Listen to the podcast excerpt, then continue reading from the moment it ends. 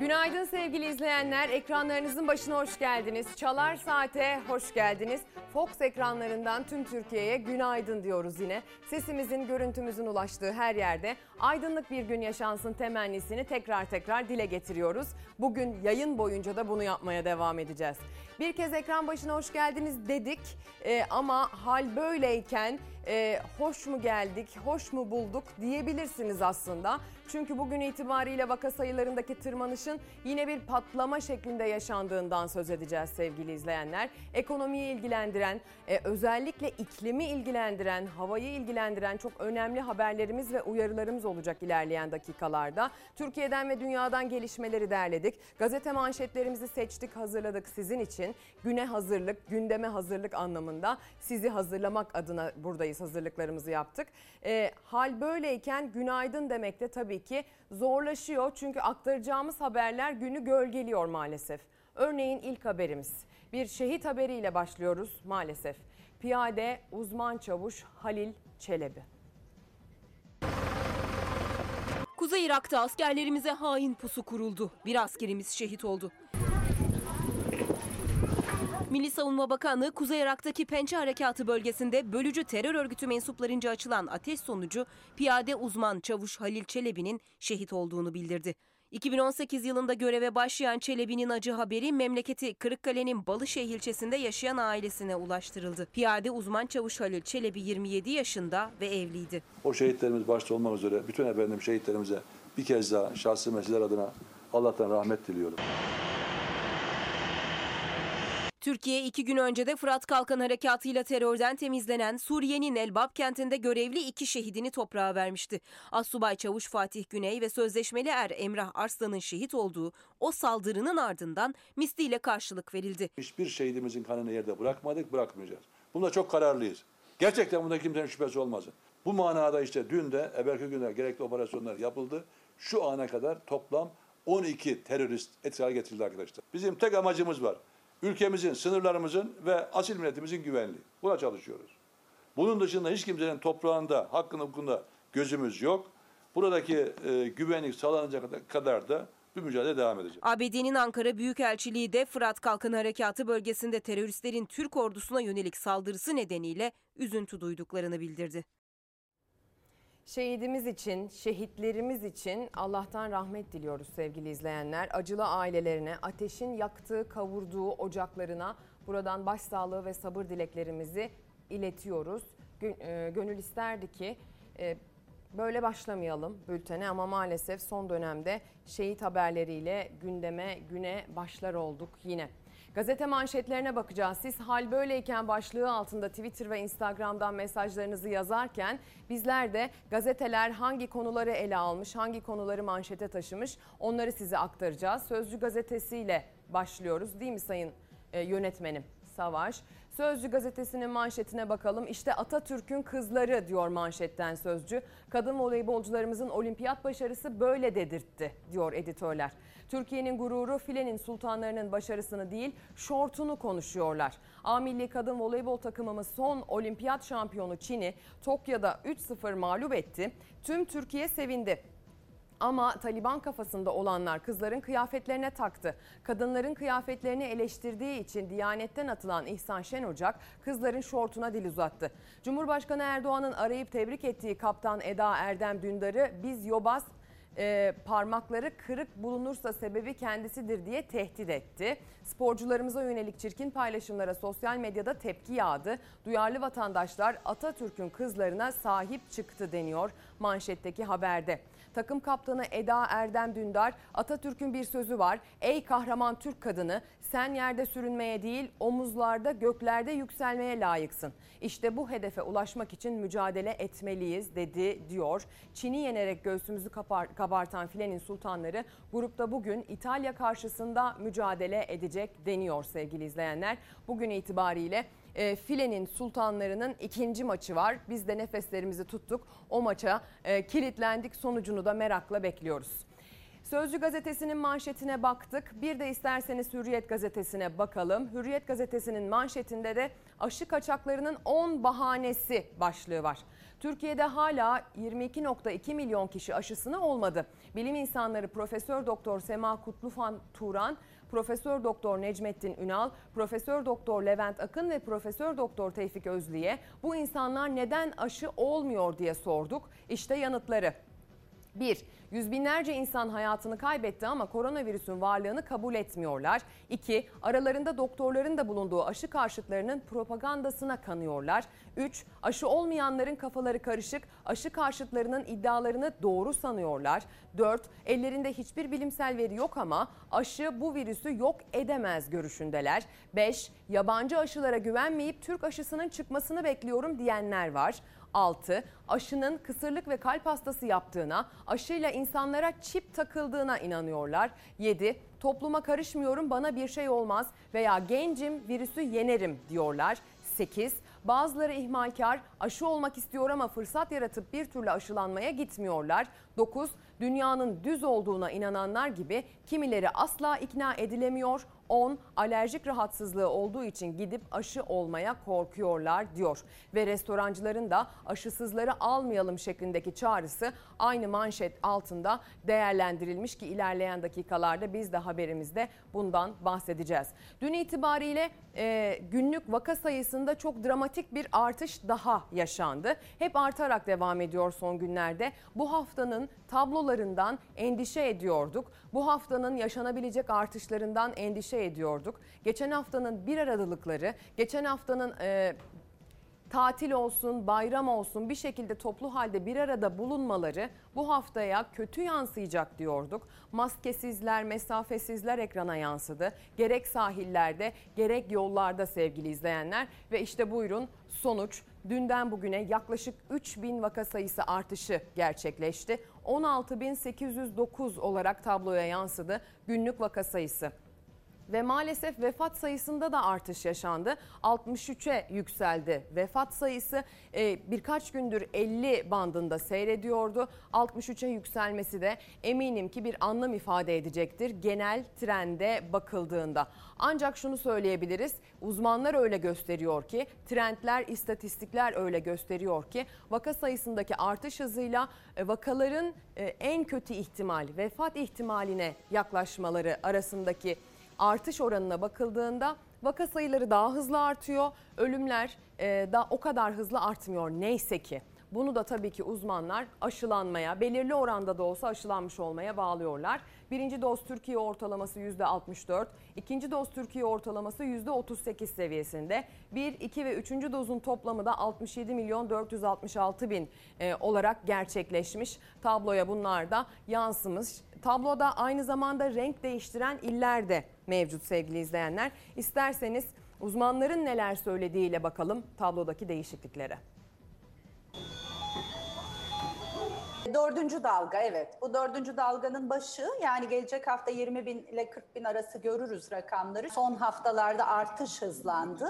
Bu eğrinin yukarı doğru tırmanacağını bize gösteriyor. Vaka sayıları iki katını da geçecek, üç katını da geçecek gibi görünüyor. Uzmanların tahmini bu çünkü koronavirüs eğrisinde vaka sayıları yeniden yukarı doğru tırmanışa geçti. Dördüncü dalgayı hissetmeye başladı Türkiye. Hastalığa yakalananların sayısı sadece son bir haftada iki katına çıktı. 26 Temmuz'da 16 bini de geçti. 63 kişi de yaşamını yitirdi. Yaz mevsimine rağmen ve henüz yatışmamış bir salgının ortasında yaptığımız tümüyle normale geçiş sonucu ve dünyada da hakim olan delta varyantının etkisiyle dördüncü dalga. Evet dördüncü dalga başladı. Sıkıntılı bir süreç bizi bekliyor. Üzülerek söylüyorum bunu. Enfeksiyon hastalıkları uzmanı Esin Şenol'a göre işte o sıkıntılı bir sürecin eşiğinde olan Türkiye, dünya gibi delta mutasyonunun etkisi altına girdi. Delta varyantı koronavirüsün önceki mutasyonlarından daha etkili. Daha hızlı bulaşıp daha çabuk yayılıyor. Hedefinde ise gençler ve aşısızlar var. 16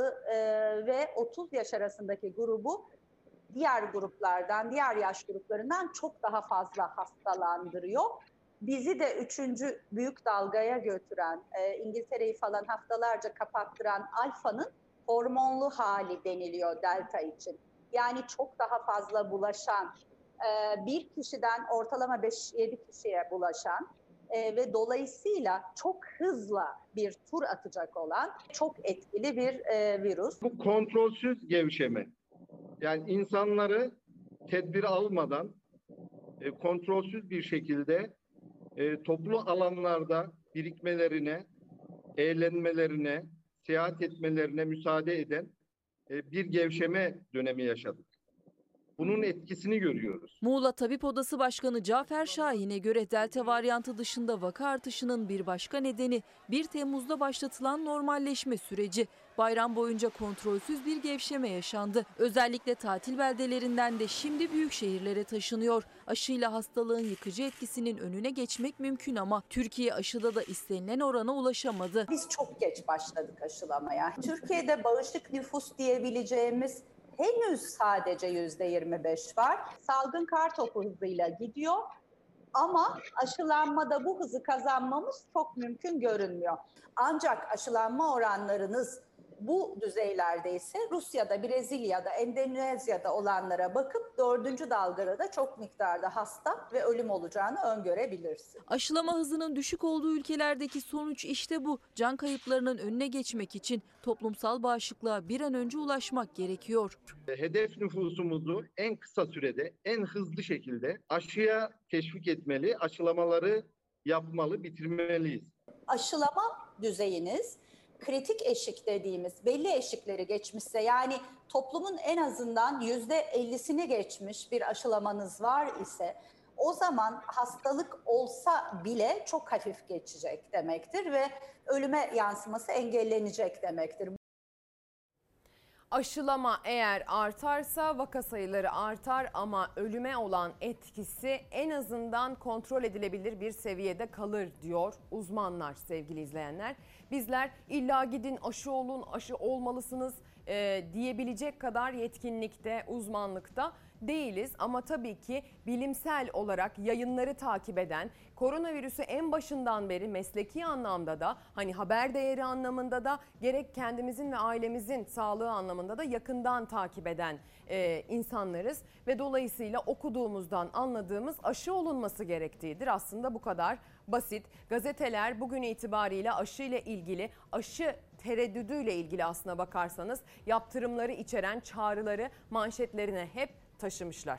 Şimdi sıradaysa havadan bahsedeceğimiz bir haber var. İsterseniz bugünün haritasına şöyle bir bakalım o habere gitmeden önce. Dün de söylemiştim. Salı günü Doğu Karadeniz kıyılarına dikkat demiştim. Doğu Karadeniz'in kıyı şeridinde Ordu, Rize, Samsun, Trabzon, Hopa, Artvin çevrelerinde bugün itibariyle bir teyakkuz hali, bir tedbir hali söz konusu. Bunu göreceğiz haberde. Aynı zamanda Kars, Ardahan, Erzurum çevrelerinde de kuvvetli yağış riski var. Ancak kuvvetli yağış riskinden öte bir riskten bahsediyoruz. Doğu Karadeniz için, Marmara için, Ege için, Akdeniz için aşırı sıcaklardan bahsediyoruz. Rüzgar konusunda, fırtına konusunda uyarmamız gereken bölgeler var. İsterseniz neler yaşanmış bu Temmuz'un artık ortasını geçtiğimiz günde havayla ilgili neler yaşanmış bir bakalım sonra haritayı değerlendirelim. Bu gece ilimiz genelinde şiddetli yağışlar beklendiğinden 19 ilçemizde sel ve heyelan riskine karşı tedbirlerimizi alalım. Lütfen dikkatli olalım. Temmuz bitti bitecek yaz aylarının en kavurucu olanına Ağustos'a girmeye hazırlanırken bütün doğa olaylarını da aynı günlerde yaşıyor Türkiye. Yıldırım, hortum, dolu, sel düştüğü yerde afete dönüşüyor. Bir haftayı aşkın süredir şiddetli yağmur ve selle mücadele ediyor Karadeniz. Sel tehlikesi ise her an devam ediyor. Selin yaralarını sarmaya çalışan Artvin ve Rize'den sonra tehlike karşısında tedbirli olunsun diye Ordu ve Trabzon'da camilerden sel riskine karşı anonslar yapıldı. Sel ve heyelan riskine karşı tedbirlerimizi alalım. Yurdun kuzeyi aşırı yağmur alırken Ardahan'da dolu etkili oldu. Ağustos ayına günler kala yağan misket büyüklüğündeki dolu şaşkınlık yarattı. Karabük Ovacık'ta 10 dakika boyunca etkili olan yağış yolları göle çevirmeye yetti. Elazığ merkezde oluşan ve metrelerce yüksekliğe ulaşan hortumsa korku dolu anlar yaşattı. Kastamonu'da yıldırım isabet eden evde yangın çıktı. İki katlı ahşap ev kullanılmaz hale geldi.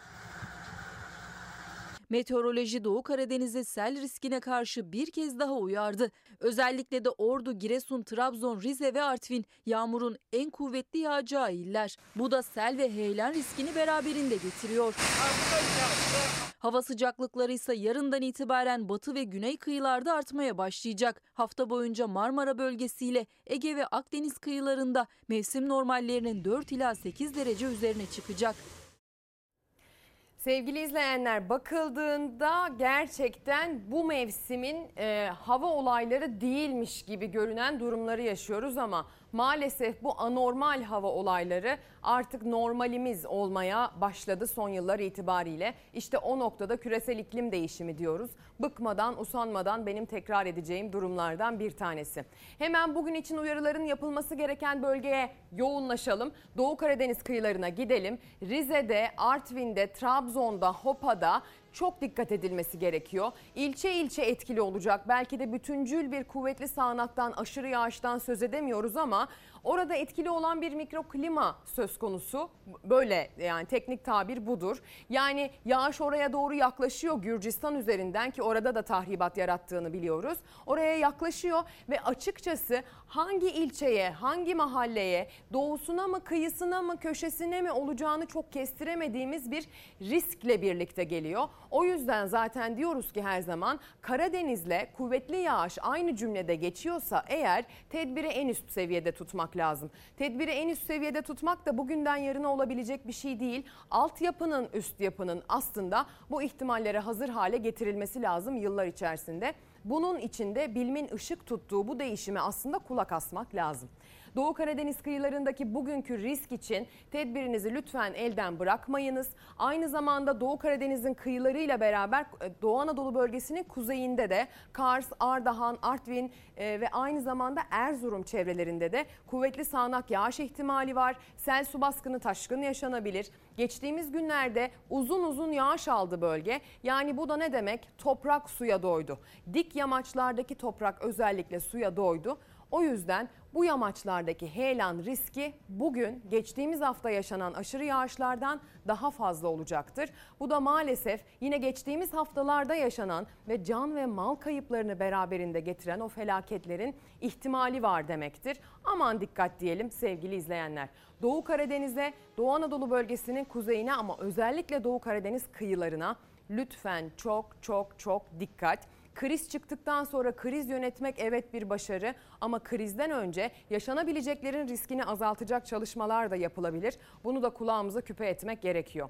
Bugün nerede başka yağış var? İç kesimlerde haritam yağışın olacağını söylüyor. Ama iç kesimlerdeki yağışların kısa süreli ve geçiş şeklinde etkili olması bekleniyor. Özellikle İç Anadolu bölgesinin doğusunda. Karadeniz'in yine iç kesimlerinde geçiş şeklinde yağışlar etkili olacak. Sıcaklıklara bakıldığında Güneydoğu Anadolu bölgesinde yine e, sıcaklıkların uyarı verilmesi gereken boyutta olduğunu görüyoruz. Aman dikkat diyelim günün en sıcak saatlerinde kendinizi güneşten korumaya çok çok dikkat edin. Şapka kullanmak, güneşin en tepede olduğu saatlerde mümkünse dışarıda olmamak çok kritik. Bir de sıcaklardan bahsedeceksek eğer haritanın batısına doğru da gelmeliyiz. Ege bölgesinin güneyinde, kıyılarında, Marmara bölgesinde sıcaklıklar arttı. İstanbul'da dün akşam yine çok sıcak bir gece yaşandı. Bayramdan önce biliyorsunuz birkaç gün böyle aşırı sıcak ve yoğun nemden söz etmiştik. Henüz o seviyeye gelmedi neyse ki ama ilerleyen günlerde de bu termometre değerlerinin artması bekleniyor ve şimdiden sıcaklıkların yurdun batısında Marmara'da dahil mevsim normallerinin üzerine çıktığını ve bu artışın devam edeceğini söylemeliyiz. Yarının haritasına bakalım isterseniz bir de. Yarın hava nasıl olacak sevgili izleyenler? Yağışlar yine genellikle yurdun doğusunda ve hatta kuzey doğusunda kümelenmiş durumda. Bugünden yarına yağış ihtimaliyle ilgili yani yağışın riskiyle ilgili bir bilgi vermek çok mümkün değil. Biraz da anlık gelişen durumlar maalesef özellikle Doğu Karadeniz özelinde. Şimdilik bir risk, aman dikkat, uyarı şeklinde bir manşet başlık atmıyoruz çarşambanın hava haritasına ama yine de e, bölgede yağışın devam edecek olması anlamlı. Hele bir de bugün yaşanabilecek risklerden sonra yarınki yağış daha da tahribat bırakan, hafif de olsa tahribat bırakan bir yağış olabilir. Sıcaklıklar bakın söylemiştim. Batıda bugün sıcaklık uyarısı veren imgelerimiz daha fazla. Yani çarşamba günü için daha fazla uyarı vermişiz batı için. Bu da demek oluyor ki bugünden yarına batıda sıcaklık değerleri artacak. Ama ne var? Ege'de, Akdeniz'de rüzgar biraz kuvvetlice esiyor. Kuzeyden de esse Marmara'da. Dolayısıyla bir nebze olsun o aşırı sıcak hissedilmesi durumunu kırıyor. Aynı zamanda bugün Akdeniz bölgesinin iç kesimlerinde, İç Anadolu bölgesinin güneyinde de kuvvetli kuzeyli rüzgarlar esecek. Bu da tahribat yaratabilecek boyutta. Fırtınaya yakın seviyede gerçekleşecek. Buna da dikkat etmek lazım ama batıda aşırı sıcakların etkili olduğu yerlerdeki rüzgar bir nebze işe yarayabilir. Bunu e, not düşmekte fayda var diyelim. Şimdi devam ediyoruz sevgili izleyenler koronavirüsle devam edeceğiz ama e, koronavirüsle devam ederken bunun bir de siyasete yansımasını bakmak yansımasına bakmak lazım. Çünkü içinde bulunduğumuz salgın, virüs, bulaşıcılığı, sağlığımıza etkileri, ekonomiye etkileri derken aslında mesele biraz ne kadar yönetilebildiğine doğru kayıyor. İşte muhalefette tam olarak bu noktada ses yükseltiyor. Erdoğan şahsım hükümeti nüfusun %50'sini iki doz aşılayamadı. Can yerine cüzdan tercihinde bulundu. Ve bir kez daha kontrolsüz bir şekilde açıldık. Korona salgını ile mücadele etmenin durmuş olan üretimi, sanayi, ticareti, kısacası hayatı normalleştirmenin tek yolu aşılama. Bugüne kadar aşı yaptıranlardan kaçı koronavirüse yakalandı? Bunlardan kaçı Çin aşısı, kaçı Alman aşısı oldu, kaçı hastaneye yatırıldı, kaçı yaşamını yitirdi? E bunları da öğrenmek milletimizin hakkı. Koronavirüs vakaları hızla yükseliyor ama aşılama oranı aynı hızda değil. Muhalefet Sağlık Bakanı'nın sosyal medyadan tweet atarak yürüttüğü aşı kampanyasını yeterli bulmadı. Hükümeti harekete geçmeye çağırdı. Sayın Bakan'ın her gün sosyal medya yoluyla verdiği mesajların aşı karşıtlığında bir düzelme yaratmadığını açık bir biçimde görüyoruz. Sayın Fahrettin Koca bu akşamdan itibaren turkuaz tabloyu aşı olanlar ve olmayanlar ayrımı yaparak yayınlamalısınız. Tüm rakamlarda aşısızların etkisi ve durumları ilan edilmelidir. Bu veri olası kararlara toplumsal destek için ve aşı karşıtlarını ikna için çok önemlidir. Sağlık Bakanı Fahrettin Koca salgının başındaki gibi artık sık sık basın toplantısı yapmıyor. Mesaj vermek için genellikle sosyal medyayı tercih ediyor. Ne çok insanı kaybettiğimizi hatırlayın. Salgın aşısız yenilmez. Aşınız olun. Bakanın çelişkili açıklamaları, vaka ve hasta sayılarını karartması, özellikle Çin aşısında ısrar ederek 6 ay gibi çok önemli bir zamanı kaybettirmesi, Sağlık Bakanı'na olan güveni de olumsuz etkiledi. Günde birkaç kez sosyal medya mesajı ile hayatı normalleştirmek mümkün değildir. Aşılama ve tedbirlere gereken özen gösterilmezse Eylül-Ekim aylarında yeni bir kapanma yaşanırsa bunun yaratacağı ekonomik ve sosyal yıkım çok daha büyük olacak. Muhalefet hem Sağlık Bakanı'na hem de iktidara bir kez daha ekonomik tabloyu hatırlattı. Vaka artışı bu hızla devam ederse yeni bir kapanmaya esnaf nasıl dayanacak, eğitim ne olacak diye sordu. Çok üzülerek ifade ediyoruz. Bu bir nesli kaybetme tehlikesi her geçen gün büyüyor. Evlatlarımız bir buçuk yıldır okula gidemedi. Dördüncü zirveye Eylül ayında tırmanılması durumunda yeni eğitim ve öğretim yılı da başlamadan tehlikeye düşecek. Muhalefet vaka artışlarının faturası sonbaharda ödenecek derken gözler hafta içi hükümetin yeni tedbirler alıp almayacağında. Maalesef hükümetin yeni tedbirler alıp almamasını da alsa mı daha iyi, almasa mı daha iyi noktasında bekler durumdayız. Mesajlarınız da öyle. Artık vatandaş diyor ki bir kapanmaya daha takatimiz kalmadı diyor. Vatandaşın anladığım kadarıyla bir kapanmaya daha takatinin kalmaması hem ekonomik hem duygusal hem e, manevi e, hem eğitimle alakalı endişe. Yani artık gerçekten sıkıldık, bıktık sevgili izleyenler. Dolayısıyla Vatandaşlar da böyle yazıyorlar. Bakın Burak Özarslan göndermiş. Ee, iyi yayınlar diliyor. Teşekkür edelim. Hal böyleyken maske, mesafe, hijyen ve aşı olmak şart düşüncesindeyim. Kısıtlamalara takatimiz kalmadı diyor vatandaş. Dün itibariyle Tunus'ta biliyorsunuz sivil bir darbe olarak nitelendirilen bir gelişme yaşandı. Siyasi bir gelişme. Aslında çok uzun zamandır ayak seslerinin duyulduğunu da takip edebiliyorduk. Ee, başkan kendini tek yetkili yaptı, meclis direniyor demiş Pencere gazetesi konuyu ele aldığı haberin başlığına. Ekonomi ve pandemi temelli krizi bitirmek e, bitmek bilmeyen Tunus'ta Cumhurbaşkanı Said anayasayı gerekçe göstererek tüm yetkileri devraldı. Hükümeti 30 gün dondurdu. Milletvekillerinin dokunulmazlığı askıda. Said kararnameyle gece sokağa çıkma yasağı ilan etti. 3 kişi toplanmakta yasak hale geldi. E, biliyorsunuz darbe ile otoriter başkanlık rejimine geçildi yorumu da yapıldı konuyla ilgili. Nahda Hareketi lideri Gannuşi bu bir darbedir dedi. Halkı barışçıl mücadeleye çağırdı. Cumhurbaşkanının rejimin yapısını değiştirdiğini ileri sürdü. Parlamenter demokrasiden kişisel otoriter başkanlık rejimine geçildiğini söyledi. Tabii ki bizden ve başka ülkelerden de konuya hemen tepkiler yağdı. Dışişleri Bakanlığımız derin endişe duyuyoruz. Bir an önce demokratik meşruiyet tesis edilmeli dedi. Amerika Birleşik Devletleri darbe mi değil mi hukuki analiz bekliyoruz dedi. Avrupa Birliği hukukun üstünlüğüne saygıya çağırıyoruz dedi. Arap Birliği istikrarın tesisini umuyoruz şeklinde tepkisini gösterdi. Hem o tepkilere kulak verelim hem de Tunus parlamentosundaki o mücadeleye bir bakalım.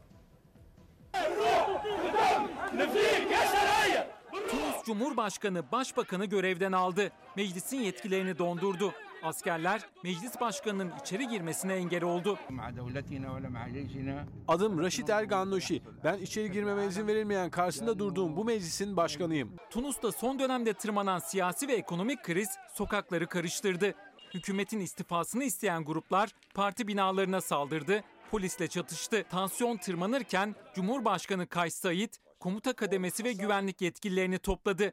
Başbakan Hişam El Meşişi'yi görevden aldığını, meclisin tüm yetkilerini 30 gün süreyle dondurduğunu açıkladı. Dost ve kardeş Tunus'ta demokratik sürecin askıya alınmasını ve halkın demokratik iradesinin yok sayılmasını reddediyoruz. Anayasal meşruiyeti ve halk desteği olmayan girişimleri kınıyoruz. Meclis Başkanı ve Nahda Hareketi'nin lideri Gannuşi kararı sivil darbe olarak niteledi. Meclis ve hükümetin görevde olduğunu duyurdu. Halkı barışçıl mücadeleye çağırdı. Hem Cumhurbaşkanı yanlıları hem de karara tepki gösterenler meclis önünde toplandı. İki grup arasında çatışma çıktı. Polisin müdahale ettiği olaylarda yaralananlar oldu. Tunus Cumhurbaşkanı ilerleyen saatlerde Adalet ve Savunma Bakanı'nı da görevden aldığını duyurdu. Ülkede belirsizlik sürerken Türkiye yaşananlara tepki gösterdi. Tunus'ta halkın iradesini temsil eden meclisin faaliyetlerinin askıya alınmasından derin endişe duyuyoruz. Tunus Anayasası'nın hükümleri çerçevesinde demokratik meşruiyetin en kısa sürede yeniden tesis edilmesini temenni ediyoruz. Bu milli iradenin tecelligahı parlamentoya karşı yapılan sivil bir darbedir. Tek adam rejimlerinde cumhurbaşkanlarına seçilmiş de olsa parlamentoyu fesih yetkisi verilmesi demokrasiyle bağdaşmayacağını açıkça ortaya koymaktadır. Dünya Tunus'taki gelişmeleri yakından izliyor. Avrupa Birliği anayasaya saygı çağrısı yaptı. Benzer açıklama Almanya'dan da geldi. Tunus bir an önce anayasal düzene dönerek siyasi ve demokratik reformlarına devam etmeli dedi.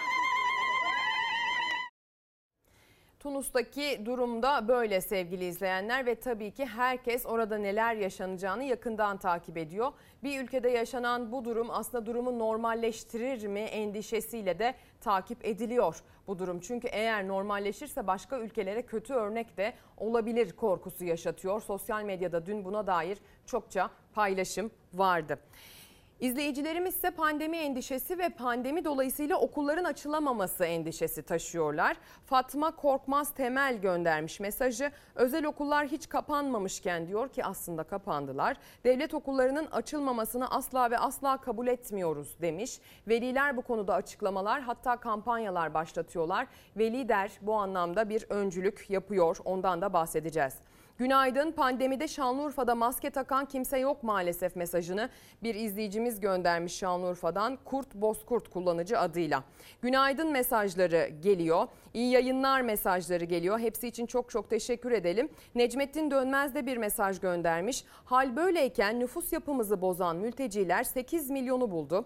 Hepsi geri gönderilsin. Çocuk ve torunlarımız geleceğimiz için bekliyoruz dedi Necmettin Dönmez de gönderdiği Instagram mesajında. Göçmenlerin e, tartışması dolu dizgin devam ediyor. Çünkü göçmenler de dolu dizgin akın akın gelmeye devam ediyorlar. Uzun zamandır Suriyeli göçmenler, mülteciler, ülkemize sığınanlarla ilgili sıkıntılar bu ekranda kendine yer buldu. Haber oldu. Gerek siyasi tartışmasıyla gerek münferit olaylarıyla. Şimdi ise konu başlığı artık Afgan mülteciler. Onlar da biliyorsunuz akın akın geliyor. Bakın Sözcü gazetesi ilk, ilk sayfasından verdiği fotoğrafta bir grup Afgan mültecinin gelişini yazmış. Afgan kaçakların gelişi durdurulamıyor başlığı atılmış habere. Daha önce Niğde otobanında bir tırdan inip izini kaybettiren Afganların şimdi de bir tarlada toplu halde çekilmiş görüntüleri sosyal medyaya düştü deniyor. Dağlardan, bayırlardan akın akın geliyorlar demiş Sözcü gazetesi. Dün muhalefet bu konuyu gündemde tuttu. Bu konuyla ilgili eleştiri oklarını iktidara yöneltti. Ana muhalefet lideri işte asıl beka sorunu budur dedi. Afganistan'dan Türkiye'ye uzanan ve artarak devam eden göç dalgasının yeni görüntüleri bunlar. Her gün yüzlerce hatta daha fazlası Afgan göçmen İran ve Bitlis Tatvan üzerinden sınıra ulaşıyor ve kaçak yollarla Türkiye'ye giriş yapıyor. Ülkemizin gerçek beka sorunu sığınmacı selidir. Şimdi de Afgan seline tutulduk. Ankara İstanbul seçimlerinde iki oy için ağzına ülke bekasını sakız edenler gerçek beka sorunu karşısında tek kelime daha yetmiyorlar. Acilen bir göç bakanlığı kurulmalı, basın yayın yoluyla doğru bilgiye ulaşmanın yolu açılmalıdır. Muhalefet mülteci sorunu Türkiye için beka meselesi derken Göçmen Bakanlığı kurulmasını da önerdi. İktidarın muhalefet Türkiye'nin gücünün farkında değil eleştirisi ise göçmen polemiğine yansıdı. Türkiye'ye Fransa'dan, Almanya'dan, Hollanda'dan baktığınızda, Yunanistan'dan baktığınızda bir süper güç görüyorsunuz. E madem öyle Almanya'ya biz 3-5 milyar doları verelim Sayın Ünal. Bu Suriyeli ve Afgan göçmenlere Almanya baksın. Zaten bu göçmenlerin gitmek istediği yer Türkiye değil ki. Almanya. Suriyeliler 7 milyonu buldu. Afganlılar akın akın geliyor diyoruz. Bir de utanmadan bizi insan olmamakla suçluyorsunuz. Madem bu kadar insansanız buyurun evlerinizde misafir edin de biz de insanlığınızı görelim. Göçmen mülteci statüsü elde etmiş olan insanları paldır küldür dışarı atmak, göndermek de söz konusu değil. Ankara'da siyaset göçmen sorununu tartışırken düzensiz Afgan göçmenlerin Van sınırından Bitlis Tatvan'a uzanan yeni güzergahtaki maceralı yolculuğuna Milliyet gazetesinden Çiğdem Yılmaz'la Ali İhsan Öztürk tanıklık etti. Adım adım göç yolu başlığıyla izlenimlerini okurlarıyla paylaştı.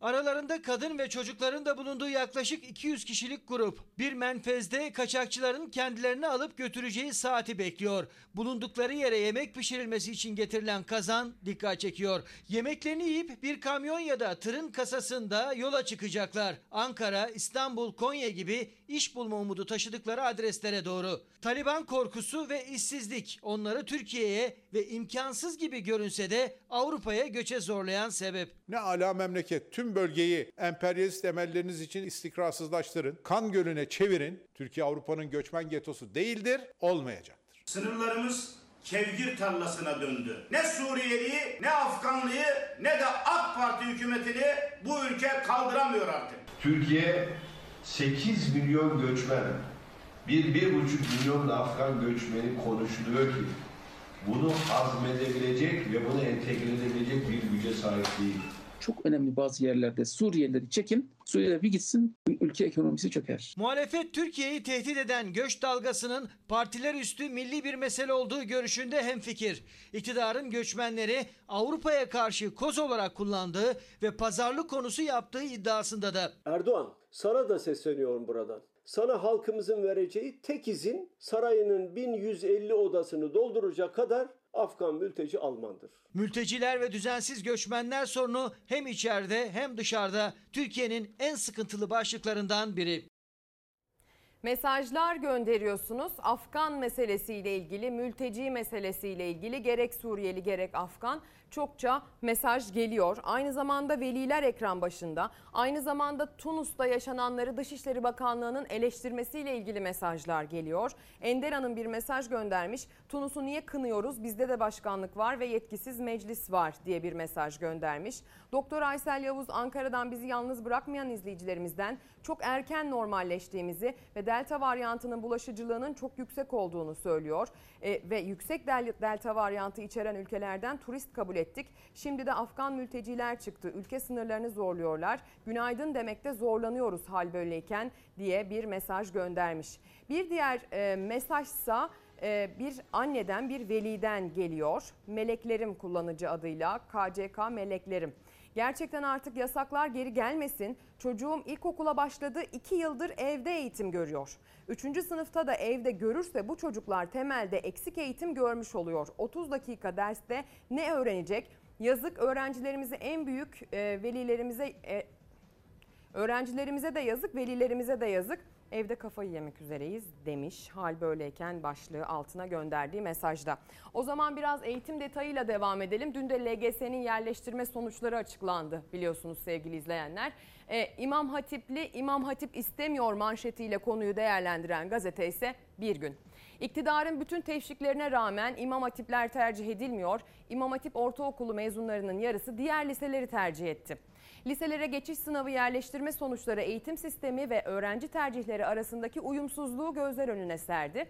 Milli Eğitim Bakanlığı'nın yayınladığı sonuç raporuna göre öğrenciler ağırlıklı olarak Anadolu, Fen ve Sosyal Bilimler liselerini tercih etti.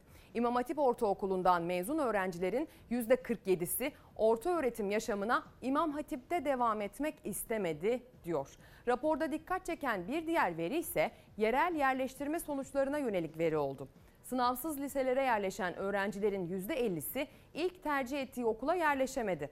Özel okul mezunları arasında da İmam Hatip ve Meslek Lisesi tercihi oldukça düşük kaldı. Özel okul mezunlarının %4,4'ü İmam Hatip, %3,7'si ise meslek liselerini tercih etti diyor. Bugün eğitimden çokça bahsetmiş gazeteler. Dün özellikle LGS'nin yerleştirme sonuçları açıklandıktan sonra konuyla ilgili detayları manşetlerine taşımışlar. Evrensel Gazetesi de aynısını yapmış. LGS eşitsizliği gözler önüne serdi diyor gazete. LGS sonuçları pandemide eğitimdeki eşitsizliğin arttığını ortaya koydu. 205.830 öğrencinin girmediği sınavda yüz binlerce öğrenciden sadece 168.924'ü orta öğretim kurumlarına yerleştirildi. MEB'in liselere geçiş sistemi kapsamındaki birinci yerleştirme sonuçları pandemide eğitimde artan eşitsizliği ortaya koydu. 205 bin öğrencinin girmediği sınavda yüz binlerce öğrenciden sadece 168.924'ü sınavla öğrenci alan okullara yerleşti. Geçen yıl öğrencilerin %38'i sınavla alan okulları tercih ederken bu yıl oran %34'e düştü diyor ve Eğitim Sen'in tercih yapanların sayısının düştüğüyle ilgili detayı da vermiş. Gazete bugün konuyu manşete taşımaya değer görmüş. Tabii ki bu yıl e, yapılan sınavlara da pandeminin büyük etkisi oldu. Gerek moral motivasyon açısından, gerek öğrencilerin eğitime erişilebilirliği ile ilgili, eşitliği ile ilgili durumları açısından, gerek eğitimin kalitesi açısından konular çokça tartışıldı. E şimdi vaka sayıları yine tırmanıyor. E bu da yaklaşık bir ay sonra okulların açılmasından söz edeceksek eğer bu vaka artışının önüne geçmenin eğitimle de çok alakalı olduğunu ortaya koyuyor. Bakın Milli Eğitim Bakanı Ziya Selçuk nasıl bir çağrı yaptı? Okulların açılması görevi e, öğretmen arkadaşlarımız tarafından, okul müdürlerimiz, ilçe, il yöneticilerimiz tarafından her türlü hazırlıkla sürdürülüyor. Ama bu aynı zamanda bir toplumsal ödevdir. E, aşı olarak hem kendimizi korumak hem de okulların açılması noktasında bir yol açmak söz konusu. Bütün toplumumuzun desteğini bekliyorum. Toplumumuzun her ferdinin çocuklarımızın geleceği için, çocuklarımızın eğitimi için aşı olması ve okulların rahat açılabilmesi için gereken desteği vermesi çok çok önemli. Bizim şu andaki bakış açımız tamamen okulların 6 Eylül'de açılmasıyla ilgili. Bununla ilgili e, Milli Eğitim Bakanlığı olarak her türlü görevi, vazifeyi yerine getiriyoruz. Sadece odak noktamız okulların açılması. Milli Eğitim Bakanı 6 Eylül diyor sevgili izleyenler. Bugün 27 Temmuz. Dün itibariyle vaka sayılarında bir patlama daha yaşandı. Yani önceki güne ilave olarak, önceki günlerin artışlarına ilave olarak dün ivme çok daha fazla arttı ve artık sayılı günler kaldı. Bir buçuk ay bile değil artık neredeyse bir ay bir haftadan söz ediliyor okulların açılmasıyla alakalı. İlerleyen dakikalarda... E, Tabipler Birliği'nin buna dair çağrıları var. Onunla da devam edeceğiz ama bakın pandeminin öğrencilerin eğitimi, gelişimi, öğrenimiyle ilgili e, çok farklı kollarda, çok farklı e, paternlerde aslında etkisi olduğunu gösteren bir haber var bugün. Bir günün ilk sayfasında onu da okuyalım yeri gelmişken. Yıldızlar parlamadan sönmesin istiyoruz başlığı atılmış habere. Sporda parlayacakları yaşta, gelecekleri pandemiyle alt üst olan amatör sporcular kayıp süreci tamamlamak için hızla çalışıyor. Sporda kritik yaşlar var. Biz pandemide bir buçuk jenerasyonu kaybettik gibi gözüküyor diyen spor psikoloğu Ömer Ateş şu noktalara dikkat çekti. Pandemide en çok gelişim çağındaki sporcular etkilendi. Her becerinin beyinde bir kaydı var. Sporcular bu dönemde fiziksel antrenman yapamadıkları için becerileri zihinlerinin içinde de körelmeye başladı. Psikolojik destek almaları gerektiğini düşünüyorum demiş. Bu da genç sporcularımızın, öğrenci yaştaki sporcularımızın aslında pandemiden nedenli kötü etkilendiğini ortaya koyan bir demeçtir uzmanının ağzından sevgili izleyenler. İşte bu yüzden e, aşıya karşı yaşanan tereddüt bu kadar büyük bir tartışma konusu haline geliyor. İşte bu yüzden aşıya karşı yaşanan tereddüt bir özgürlük kapsamında mı değerlendirilmeli yoksa bir sorumluluk yani daha doğrusu sorumsuzluk kapsamında mı değerlendirilmeli tartışmaları sürüyor. Bu tartışmaları sosyal medyadan da yürütüyorsunuz. Hatta bizim de ismimizi geçiriyorsunuz. Olsun hiç problem değil. Yeter ki tartışılsın. Şimdi siz hal böyleyken başlığı altında bunları tartışmaya devam ederken biz kısa bir mola vereceğiz. Sonrasında özel bir konuğumuz olacak ve yine özel hazırlıklarımızla karşınızda olacağız. Günaydın sevgili izleyenler. Ekran başına bir kez daha hoş geldiniz. Çalar Saate Fox ekranlarına hoş geldiniz. Sesimizin, görüntümüzün ulaştığı her yerde aydınlık bir gün yaşansın. Hal böyleyken günaydın dilekleri daha da büyük önem kazanıyor diye düşünüyoruz. Hal böyleyken başlığı altına sizler de Twitter ve Instagram üzerinden çokça mesaj gönderiyorsunuz. Sağ olunuz bizi yalnız bırakmıyorsunuz, destek veriyorsunuz ve siz de aslında kendi gündeminizi, gündeme dair kendi yorumunuzu bizimle paylaşıyorsunuz ki zaten amaç bu. Şimdi bu blokta pek çok haberden söz edeceğiz. Aşılamadan söz edeceğiz. Doğu Karadeniz'e yaşanan felaketten geriye kalanlara bakmak için o tarafa doğru uzanacağız. Hatta orayla ilgili uyarılarımızı da tekrar edeceğiz sevgili izleyenler. Bir zam pazarlığı söz konusu kamuda biliyorsunuz. Bununla ilgili gelişmeler var. Size onları aktaracağız. Bir de başka bir pazarlık var. Para pazarlığı. Bu da mülteci akınıyla alakalı. Hem gazete manşetlerinde kendine yer bulmuş durumda hem muhalefetin gündeminde özellikle ana muhalefet lideri konuyu yüksek perdeden değerlendirdi. Açıklamalarını, sert mesajlarını keskin verdi bu konuyla ilgili. Bunu aktaracağız size. Bir de e, mülteciler konusunda Bolu'dan bir çıkış geldi. Tabii ki o çıkışa da kulak vereceğiz ama öncesinde isterseniz e, gecenin sıcak bir gelişmesiyle başlayalım. E, en mutlu günleriydi aslında. Hiç böyle olmasını beklemiyorlardı. En mutlu günleri beklenmedik bir kazayla kabusa döndü. Düğün yapılan alandaki ağaçlardan biri davetlilerin üzerine devrildi. Bir kişi hayatını kaybetti. Antalya'da Aksu'da bir çift koronavirüs riski nedeniyle davetlilerin hayatını riske atmamak için düğünlerini açık alanda yaptı. Her şey güzel başlamıştı. Gelin ve damadın sevdikleri bir arada ve koronavirüse karşı güvendeydi. Ancak öyle bir kaza yaşandı ki her şey bir anda alt üst oldu. Düğünün gerçekleştiği bahçedeki ağaçlardan biri büyük bir gürültüyle misafirlerin oturduğu masalardan birinin üzerine devrildi. Masada oturanlar ağacın altında kaldı. 10 kişi yaralıydı. 44 yaşındaki Mustafa Ölmez olay yerinde hayatını kaybetti. Yaralılardan 5'i olay yerine gelen sağlık ekipleri tarafından ayakta tedavi edildi. Bir kişinin ise durumunun ağır olduğu bildirildi.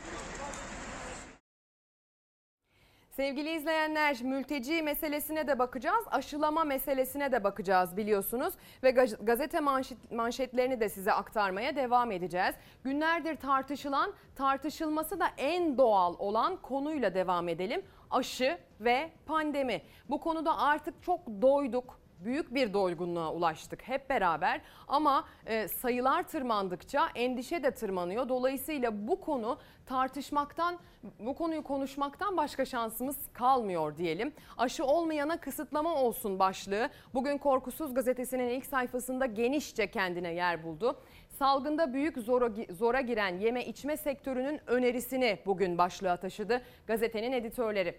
Aşı olmayanların restoranlara alınmamasını isteyen esnaf böyle yaparsak tekrar kapanma olmaz diyor. Koronavirüs salgını delta varyantıyla dördüncü pikini yaşarken vaka sayıları da hız, hızla artıyor. Bu durum salgında en ağır bedeli ödeyen yeme içme sektörünü endişelendiriyor. Son bir buçuk yılda defalarca kapanan 4 işletmeden biri iflasın eşiğine gelen ve 50 milyar zarar eden sektörden çarpıcı bir talep geldi.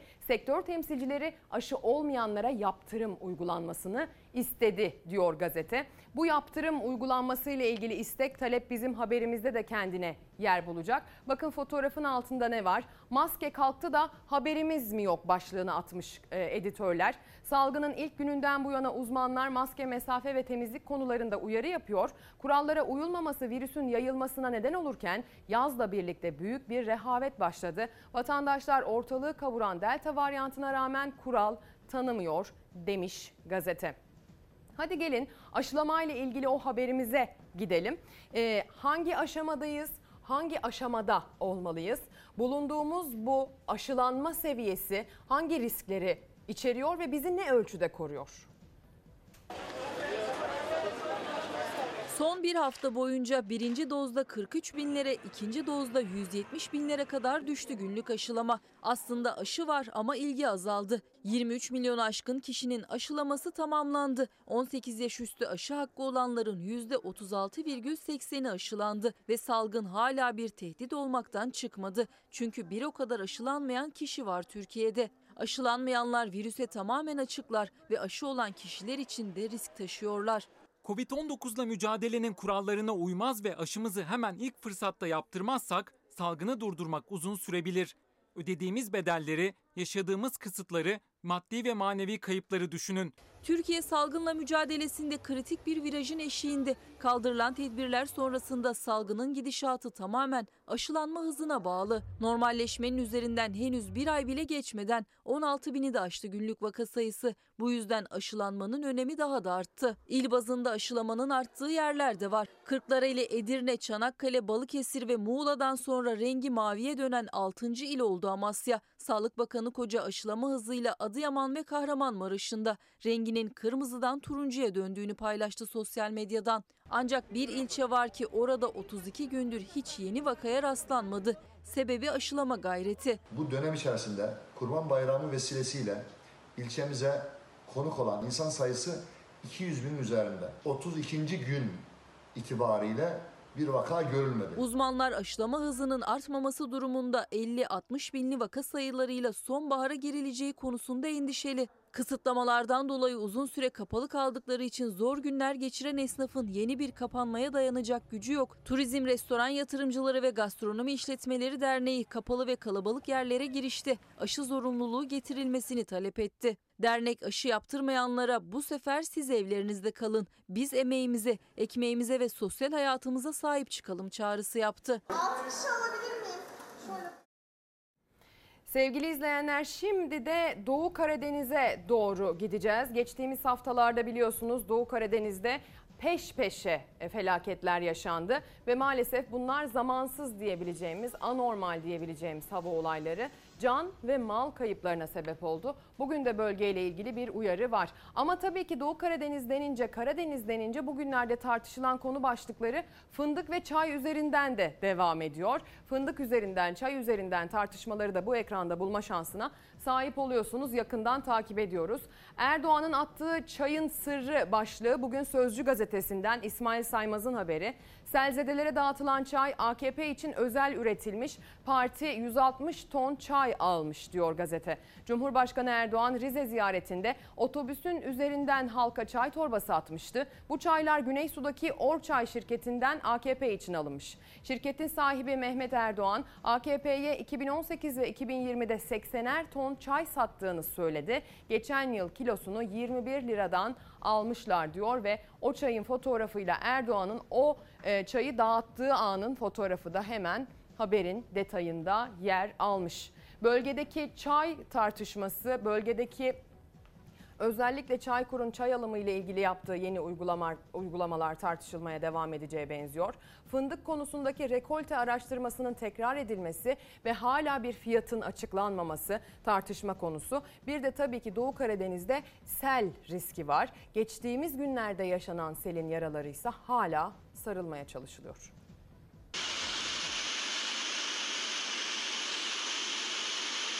Bir gün çok aşırı sıcaktı. Onun işte kıyameti indi buraya. Şimdi yine geliyormuş. Ben artık diyorum benim kaybedecek bir şeyim kalmadı. Yağarsa da gelirse de sel artık yapacak bir şey yok ya. Artvinliler selin ardından yaraları sarmaya çalışıyor ama yara sarmak lafın gelişi çünkü kayıpları büyük. Kimi evini, kimi ekmek teknesini, dükkanını kaybetti. Her şeyim gitti. Hiçbir şey alamadım. Çay toplardım, yemiyorduk ediyordum, bir şeyler alıyordum. Evi de yeni almıştım. Ev de gitti, eşya da gitti, her şey gitti. Artvin'i 23 Temmuz günü vuran sel ardında çamur deryası ve hayatları alt üst olan vatandaşları bıraktı. Murgul ilçesinde sel sularına kapılarak kaybolan Serdar Yiğit'i arama çalışmaları hala devam ediyor. 75 dalgıç 158 görevliyle birlikte ağaç parçalarıyla kaplı Murgul çayında Yiğit'i arıyor.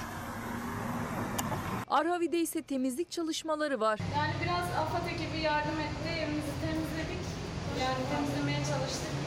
Allah razı olsun çok uğraştılar. İki ekip birden temizlediler. Kalacak yerimiz olmadığı için e, sosyal yardımlaşmadan e, bizi yurda yönlendirdiler. Hep birlikte ailecek orada kalıyoruz. Cumhurbaşkanı Recep Tayyip Erdoğan Düzce, Rize ve Artvin'de sel felaketinden etkilenen bölgelerin genel hayata etkili afet bölgesi ilan edildiğini açıkladı. Bölgede esnaf için vergi ertelemesi uygulanacak. Esnafın SGK prim ödemeleri de ertelenecek. Eşya zararlarının karşılanması için yurttaşlara yardım yapılacak. Kredilerin geri ödemeleri ertelenecek. Acil destek paketi hazırlanacak. İş yeri ve araç zararlarının karşılanması için destek sağlanacak. Ancak hasar tespit çalışması yapan bazı esnaf desteğin yetmeyeceği görüşünde. Dükkanımız sel felaketinde battı. Bize 10 milyar hasar tespiti yapıldı.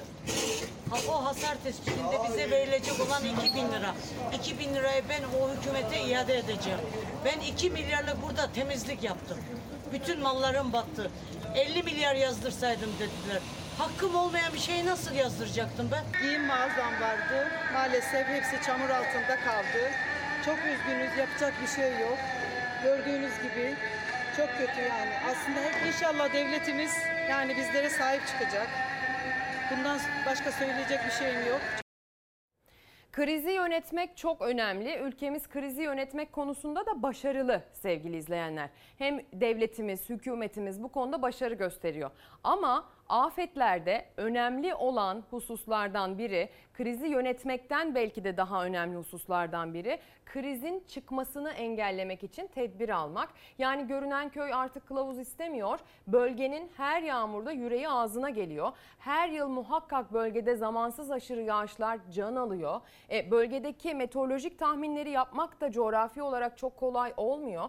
E, kuvvetli yağışın yaklaştığını görüyoruz ama ilçe bazında, il bazında tahmin yapmak için son 1-2 saate kadar e, düşmek gerekiyor öngörüleri sıralayabilmek için. Yani dolayısıyla topyekün bir e, hazırlık sürecine girmesi lazım bölgenin. Çünkü küresel iklim değişimi bölgedeki yağış rejimini arttıracak. Kuvvetini, şiddetini, süresini, sıklığını bu olayların arttıracak. Bunu işin uzmanları yıllardır söylüyorlar. Bu yeni bir durum değil. Yıllardır söylenmesine rağmen de artık bunu yaşamaya başladık. Şimdi gelin gazete detaylarından devam edelim. Biraz da ekonomi diyelim. Korkusuz gazetesinin manşetine bakacağız. Milletin cebi yanıyor demiş Korkusuz bugün. Bir yanda geçim derdi, bir yanda ödenemeyen kredi kartı borcu, kredi kartından çektiği parayla geçinmeye çalışan milyonlarca vatandaş 409 bini zamanında ödeme yapamadığı için bankaların kara listesine girdi. Hayatları karardı diyor gazete.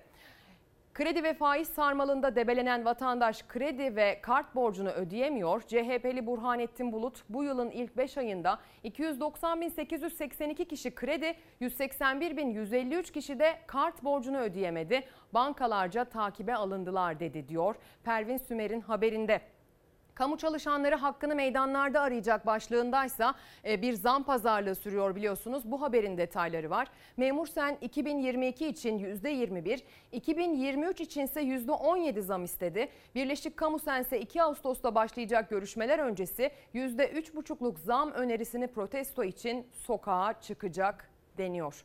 İlerleyen dakikalarda bu habere bakma şansımız da olacak. Ama e, madem paradan söz ettik, cebimizden çıkanlardan, hunharca harcadıklarımızdan söz ettik, harcamak zorunda kaldıklarımızdan. Bir de otoyol ücretleri var biliyorsunuz. Son dönemde çok tartışılan, geçilmediği halde hiç geçmeyecek olanın dahi cebinden parası çıkıyor o otoyolların. Muhalefet de bu konuyu ısrarla eleştiriyor. CHP Niğde Milletvekili Ömer Fethi Gürer de Niğde ile Ankara arasında e, yapılan son otoyolu sıkça kullanıyor işi gereği. Ama gelin görün ki hızlı geçiş sisteminde bir sıkıntı çıkmadığı halde soruşturup borcunun olmadığını öğrendiği halde kendisine icra gelmiş. Bu yolu kullanırken aracımda hızlı geçiş sistemi olduğu için doğrudan bariyer açıldı, geçtim gittim. Tarafıma icra geldi. Yaşamımda ilk defa Parasını ödediğini düşündü, yoluna devam etti. Ama memleketi Niğde'den Ankara'ya vardıktan sonra gelen 597,5 liralık icra tebligatıyla şok oldu. CHP Niğde Milletvekili Ömer Fethi Gürer için Niğde Ankara otoyolundan kaçak geçtiği iddiasıyla icra takibi başlatıldı. Bu otoyol devlet açısından da oldukça karlı bir yatırım olmuştur. toplam 597 lira alacak diyerek bu yolda ücretini ödediğim yol için icra tebligatı aldım. Araç geçiş garantili otoyolun açılışını 2020 yılının sonunda Cumhurbaşkanı Erdoğan yapmıştı. 7 aylık otoyolu sık sık kullanan CHP'li Gürer, kaçak geçiş yaptığına dair kendisine bir bildirim ulaşmadığını, hatta karayollarından da ödeme kontrolü yaptırdığını, kendisine herhangi bir kaçak geçiş görünmüyor denildiğini söyledi. Ancak icra tebliği gelince kaçak geçiş yaptığını öğrendi Gürer. Türkiye'nin hem en pahalı yolu olacaksınız hem bitmeden açılacaksınız ve böylece yapı işlet gereği geçilmeyen aracın bedelini devletten alacaksınız. Sonra da daha açılışınızın birinci yılı dolmadan yurttaşların parasını ödeyip geçtiği yol için ayrıca icra tebligatı göndereceksiniz. Bu ne saçmalık. Gürer yolun parasını ödediğinde ısrarcı. Çünkü otoyolda olan bariyerin sistemi ödeme yapılmadan geçişe izin vermiyor.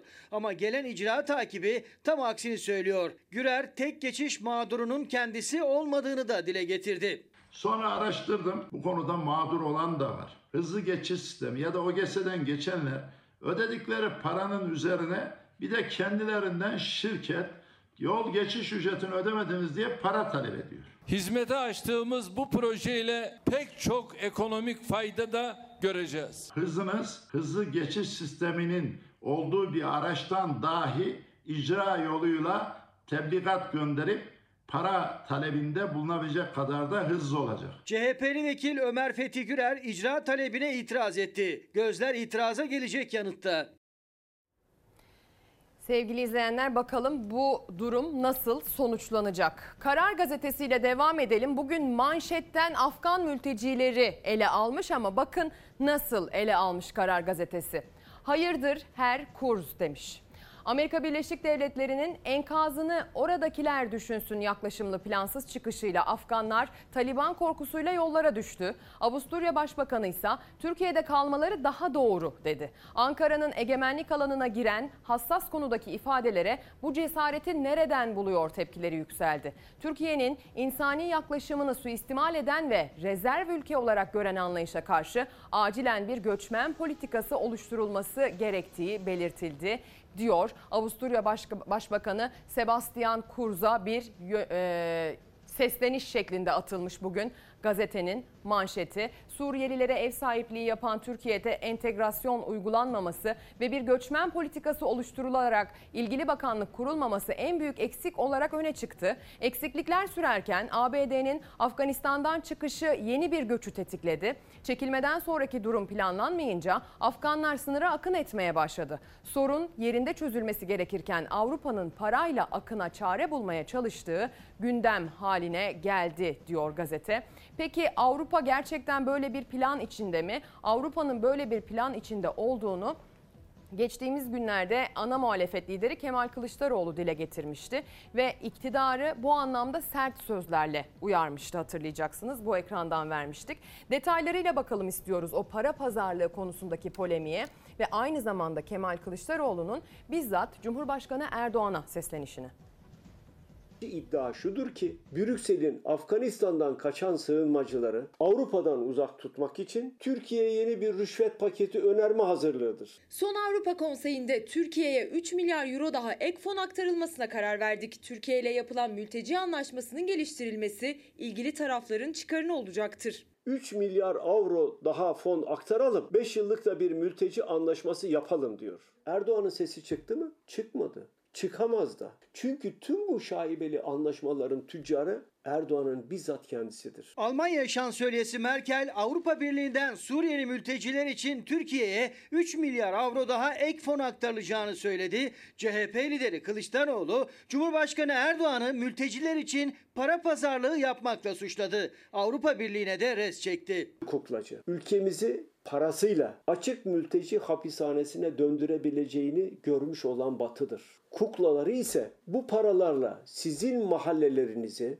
ve huzurunuzu satmış olan iktidar partisidir. Türkiye özellikle çok sayıda Suriyeli mülteciyle ilgilenme konusunda büyük iş çıkarıyor. Biz de onları destekledik ama küçük ölçekte. Avrupa'nın maruz kalabileceği göçmen dalgasını yerinde durduruyoruz. Durdurmanın bir maliyeti ve bir siyaseti var. 3 milyar euro ne, ne ki? 3 milyar euro verdim kur, yani sadaka verir gibi olmaz ki. Kılıçdaroğlu'nun sert eleştirilerine karşın AK Partili eski vekil ve Genel Başkan Başdanışmanı Yasin Aktay'ın sözleri dikkat çekti. Afganistan'da Taliban'dan kaçarak Türkiye üzerinden Avrupa'ya geçmek isteyen göçmenlerle ilgili Avusturya Başbakanı Kurs'tan da onlar için doğru adres komşuları Türkiye sözleriyle bir açıklama daha geldi. Eğer insanlar kaçmak zorundalarsa herkesin Avusturya, Almanya ya da İsveç'e gelmesindense Türkiye gibi komşu ülkeleri ya da Afganistan'ın güvenli bölgelerini kesinlikle daha doğru yer olarak görüyorum. Tartının bir kefesine yeniden sizin mahallenizi, sizin hayatınızı, sizin huzurunuzu koyacaklar.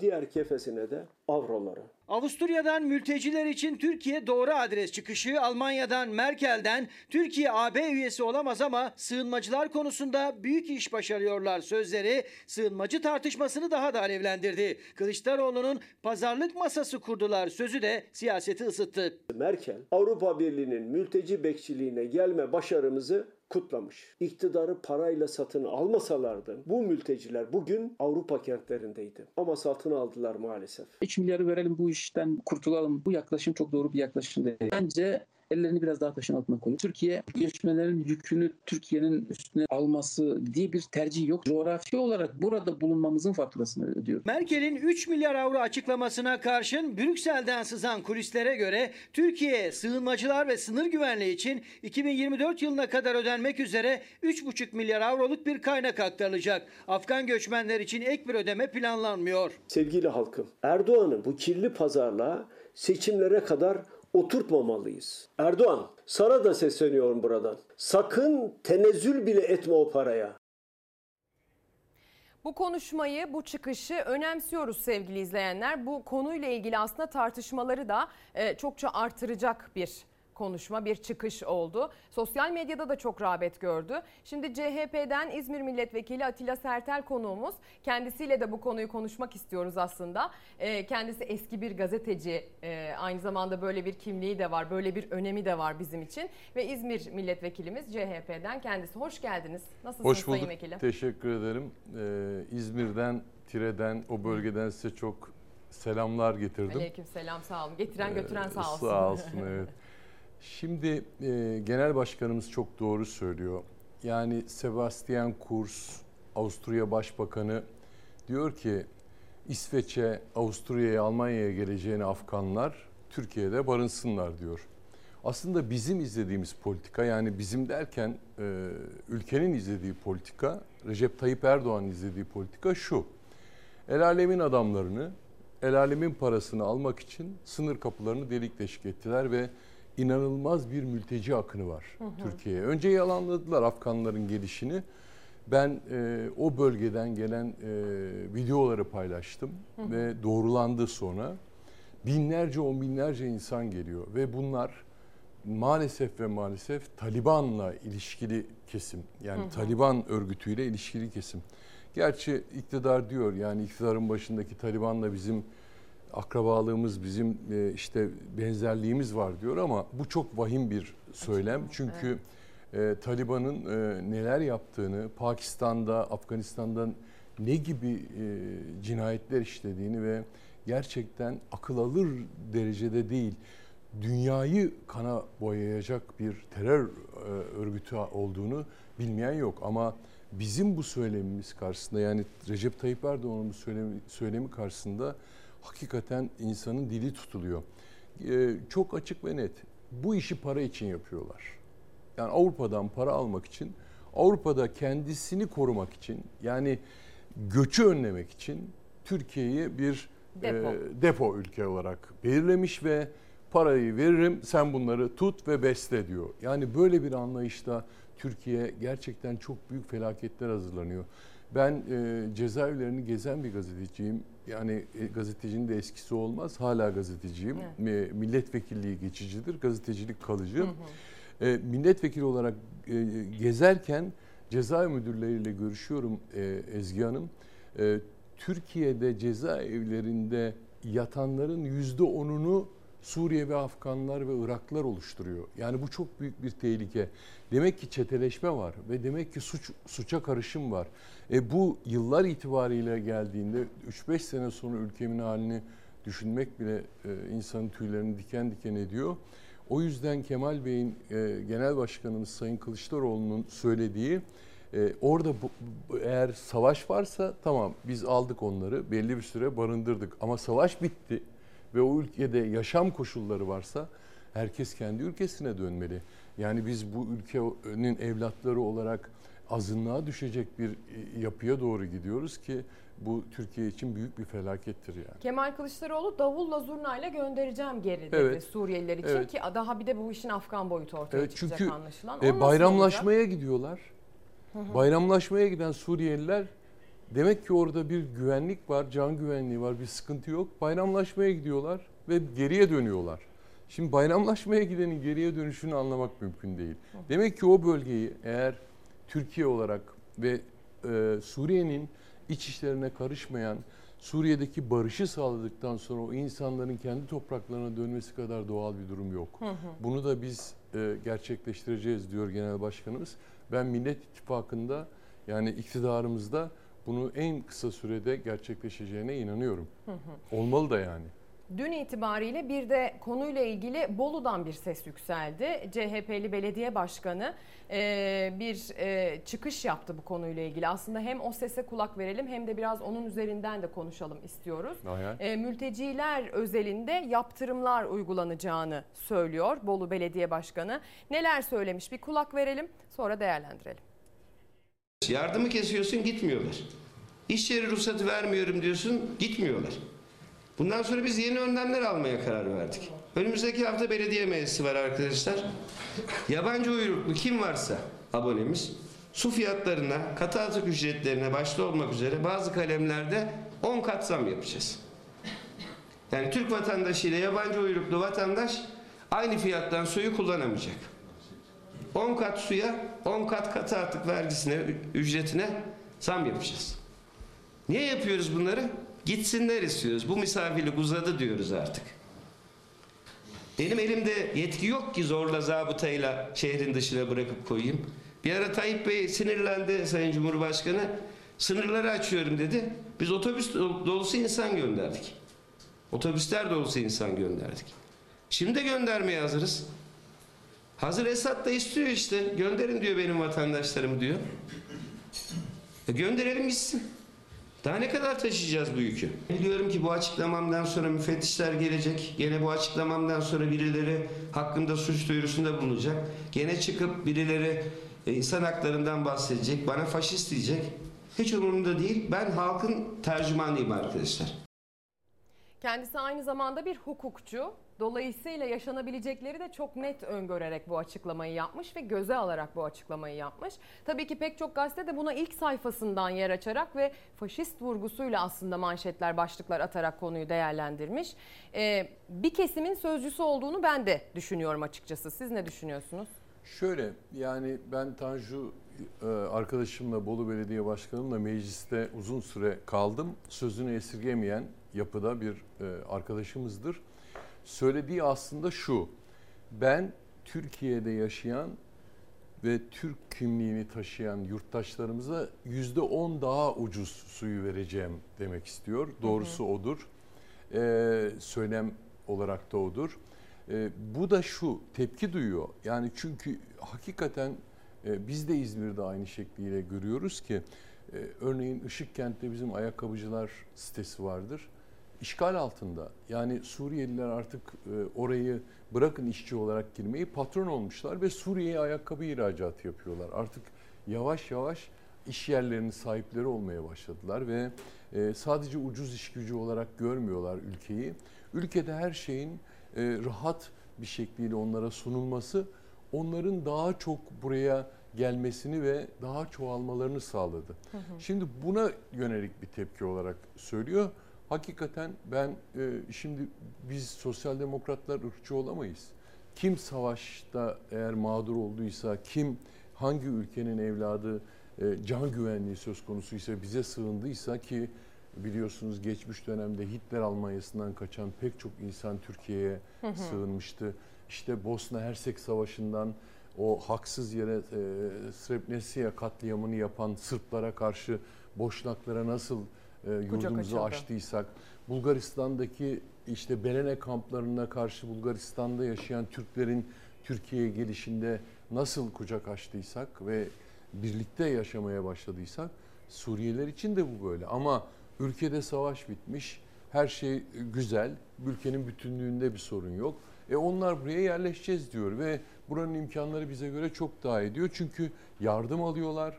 Çünkü e, bütün sokaklarda bütün e, durakları, işte şeyleri, e, ışıkları e, kontrol altına almışlar.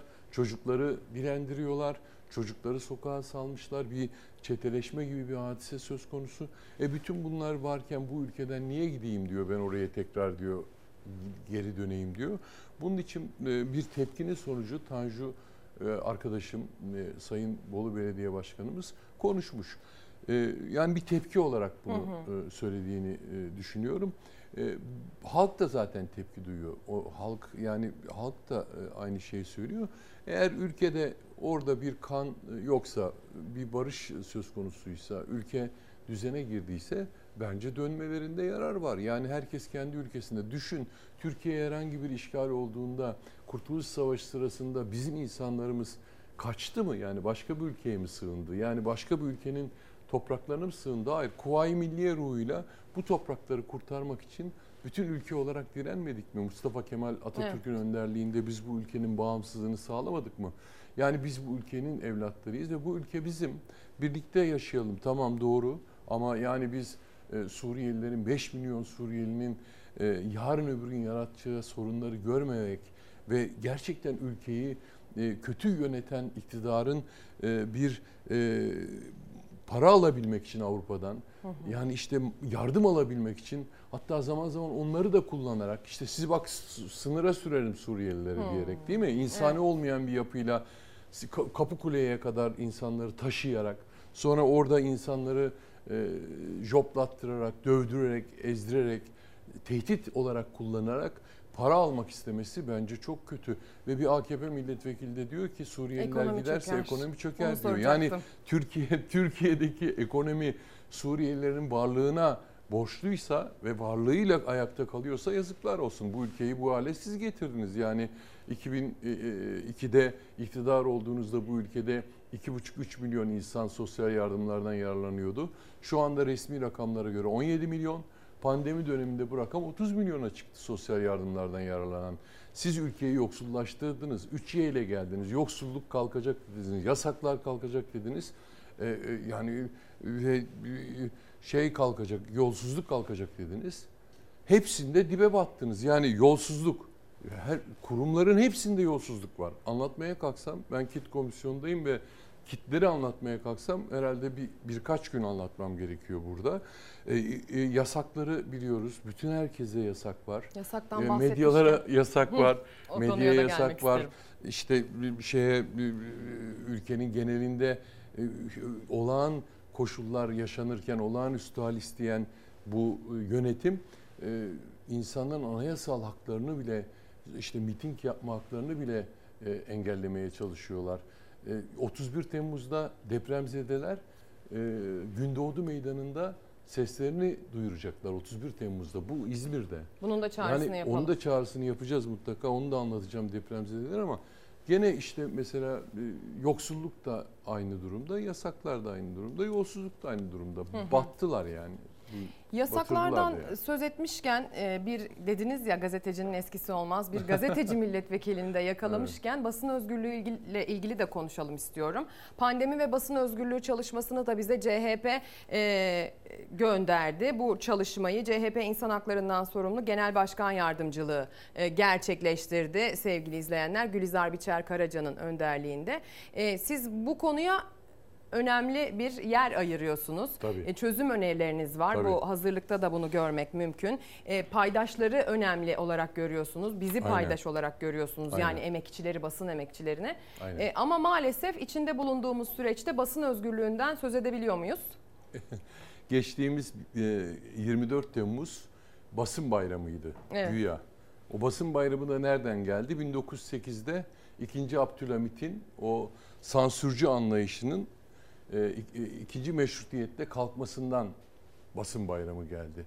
Sansür kalktı Türkiye'de 1908'de. Hı hı. Ama 2021'de 21'de 113 yıl sonra sansür kalktı diyebiliyor muyuz? Yani onu bayram olarak e, kutlayabilir miyiz? Sansürün en koyusu var. Yani e, saraydan yönetilen ve saray adına e, bu işleri yapan iletişim başkanlığının e, inanılmaz derecede kurumlarla beraber işte televizyonları rütükle, e, gazeteleri basın ilan kurumu, valiler, e, belediye başkanlarıyla bastırarak, denetleyerek özellikle Anadolu basınını iyice baskı altına alarak susturmaya çalışan ve zammı zulmün yanı sıra her türlü ekonomik olarak da cezalandırma yolunu seçen bir iktidarla karşı karşıyayız. Şimdi sizin televizyonuna düşen pay devletten sadece ceza. Evet. Hiçbir reklam geliyor mu? Gelmez. Mümkün değil. Yani işte Ziraat Bankası, Vakıfbank, Halkbank dünyanın e, parasını dağıtıyor. E, 171 milyon para dağıttı Ziraat Bankası.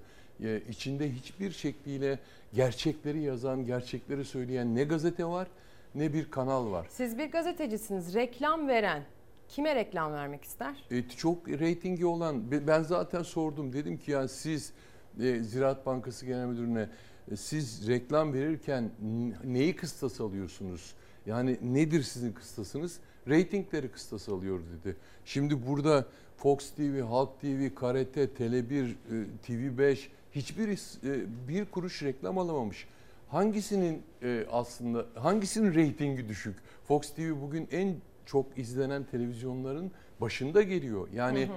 gerek dizileriyle, gerek e, haber programlarıyla, gerek sabah kuşağı programlarıyla, gerek ana haber bülteniyle en çok izlenen televizyonların başında geliyor.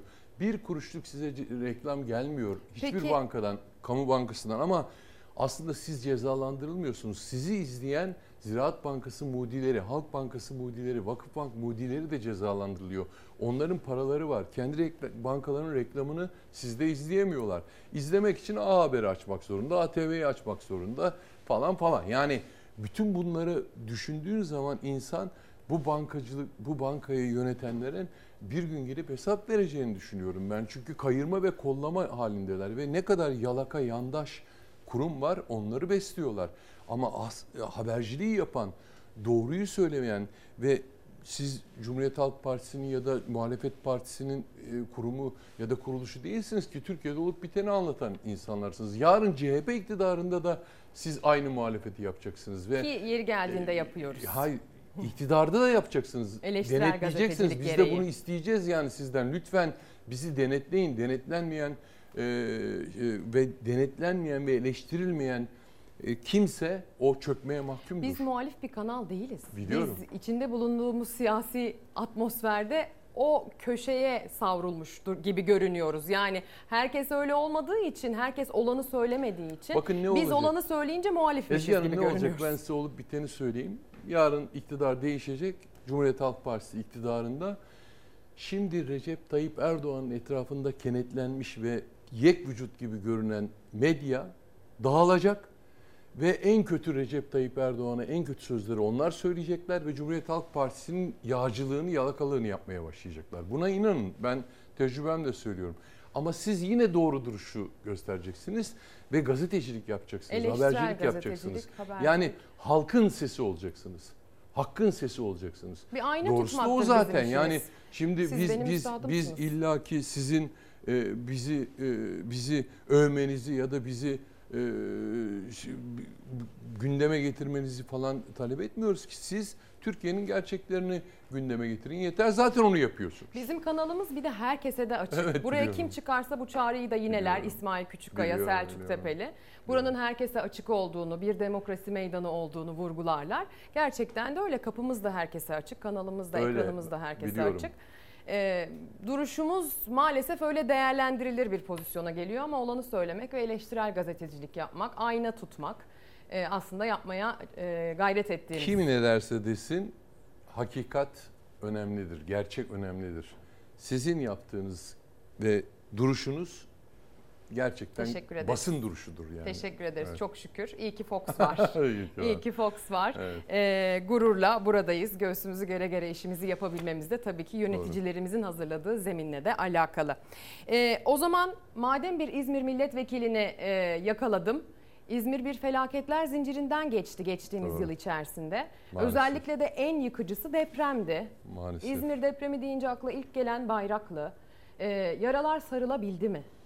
Vallahi yaralar sarılamadı. Ben e, İzde'de başkanı Haydar Özkan'la e, iki ya da üç kez toplantı yaptım ve ben o bölgede yaşıyorum zaten. Bayrak'ta yaşıyorum. 79 bin insan depremden mağdur oldu. Yani rahmetli olanları, depremde e, vefat edenleri e, bir yana bırakıyorum. Geride kalanlar inanılmaz derecede zorluklar içerisinde. Bu zorlukları sıralamak gerekiyorsa o da şudur.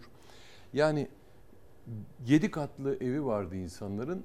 Bu bunu tuttular 5 kata düşürdüler. Hı hı. 120 metrekare dairesi vardı. Bunu 80 metrekareye düşürdüler. TOKİ'ye verdiler ve TOKİ'de İstanbul'dan müteahhitleri çekti oraya. Orada inşaatlar yapmaya başladı. Ama vicdansızlık şurada. Haksızlık şurada. Siz 7 katı deprem bölgesi diye 5 kata düşürüyorsunuz. Yürüyerek bak yürüyerek 350 adım 500 adım sonrasında e, 50 katlı 60 katlı gökdelenler dikiyorsunuz. Hmm. Şimdi o gökdelenler için deprem riski yok da gariban Mehmet Pınar için, gariban Selahattin Güzel için mi e, şey var? Haydar Özkan için mi 5 kat var? Hı hı. Bu çok haksızlık. Burada bir emsal artışı olması lazım Özge kardeşim. Eğer oradaki insanları düşünüyorlarsa o da şu. E, temelini sağlam tutarak 7 katı 10 kata çıkarabilirsek Hı hı.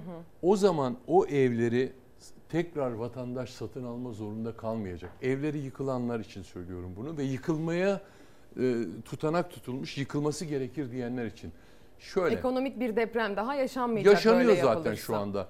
E, müteahhit geliyor diyor ki ben senin binanı yenilerim ama 450 milyon bana 450 bin lira bana para vereceksin diyor. Daire 500 bin başına. lira bana vereceksin daire başına. Şimdi zaten emekli olmuş adam. Zor zahmet emekli ikramiyesiyle bir ev almış ya da kooperatife girmiş kooperatif sayesinde ev almış. 450-500 bin lirayı veremez ki, ödeyemez Veremez. ki. Yani o yüzden O insanlar büyük bir zulüm altında yaşıyorlar. Bilmeyenler Şimdi, için de söyleyelim Bayraklı İzmir'in böyle mesela Nişantaşı'sı yerlerinden- mıdır? Tabii güzel yerlerinden Yani biri. hani yani e, kitle anlamında söylüyorum. Zengin insanların yaşadığı bir yer gariban midir? insanlar. Yani gariban derken yani çok acındırmak istemiyorum. Şöyle. Orta Şimdi bunlar emekliyi seviyesi. garibanı yaptıkları için. Bunlar emekliyi perişan ettikleri için diyorum. Yoksa Hı hı. hakikaten öyle demek de yanlış. Emekli kesimin yaşadığı bir Hı hı. bölge. Emeklilerde zaten 2000-2500 lira, 3000 lira en yükseği maaş alıyor aylık. Bunlar nasıl olur da bir ev sahibi olabilir? Bakın bir saat süre tanıdıklarına e, 30 bin lira devlet yardım etmedi. Sen dedi eşyanı bir saat içinde boşalttın dedi. 5-10 dakika tanıdıklarına 30 bin lira yardım yaptı. Çok büyük haksızlıklar var. Şimdi bir de en büyük Kaynak. haksızlık da şu. İzmir Büyükşehir Belediye Başkanı Tunç Soyer Dünya Bankası'yla iletişime geçiyor ve Dünya Bankası'ndan çok e, uzun vadeli ve düşük faizli bir kredi buluyor. O kredinin rakamı 330 milyon dolar. 330 milyon dolarlık bir kredi buluyor.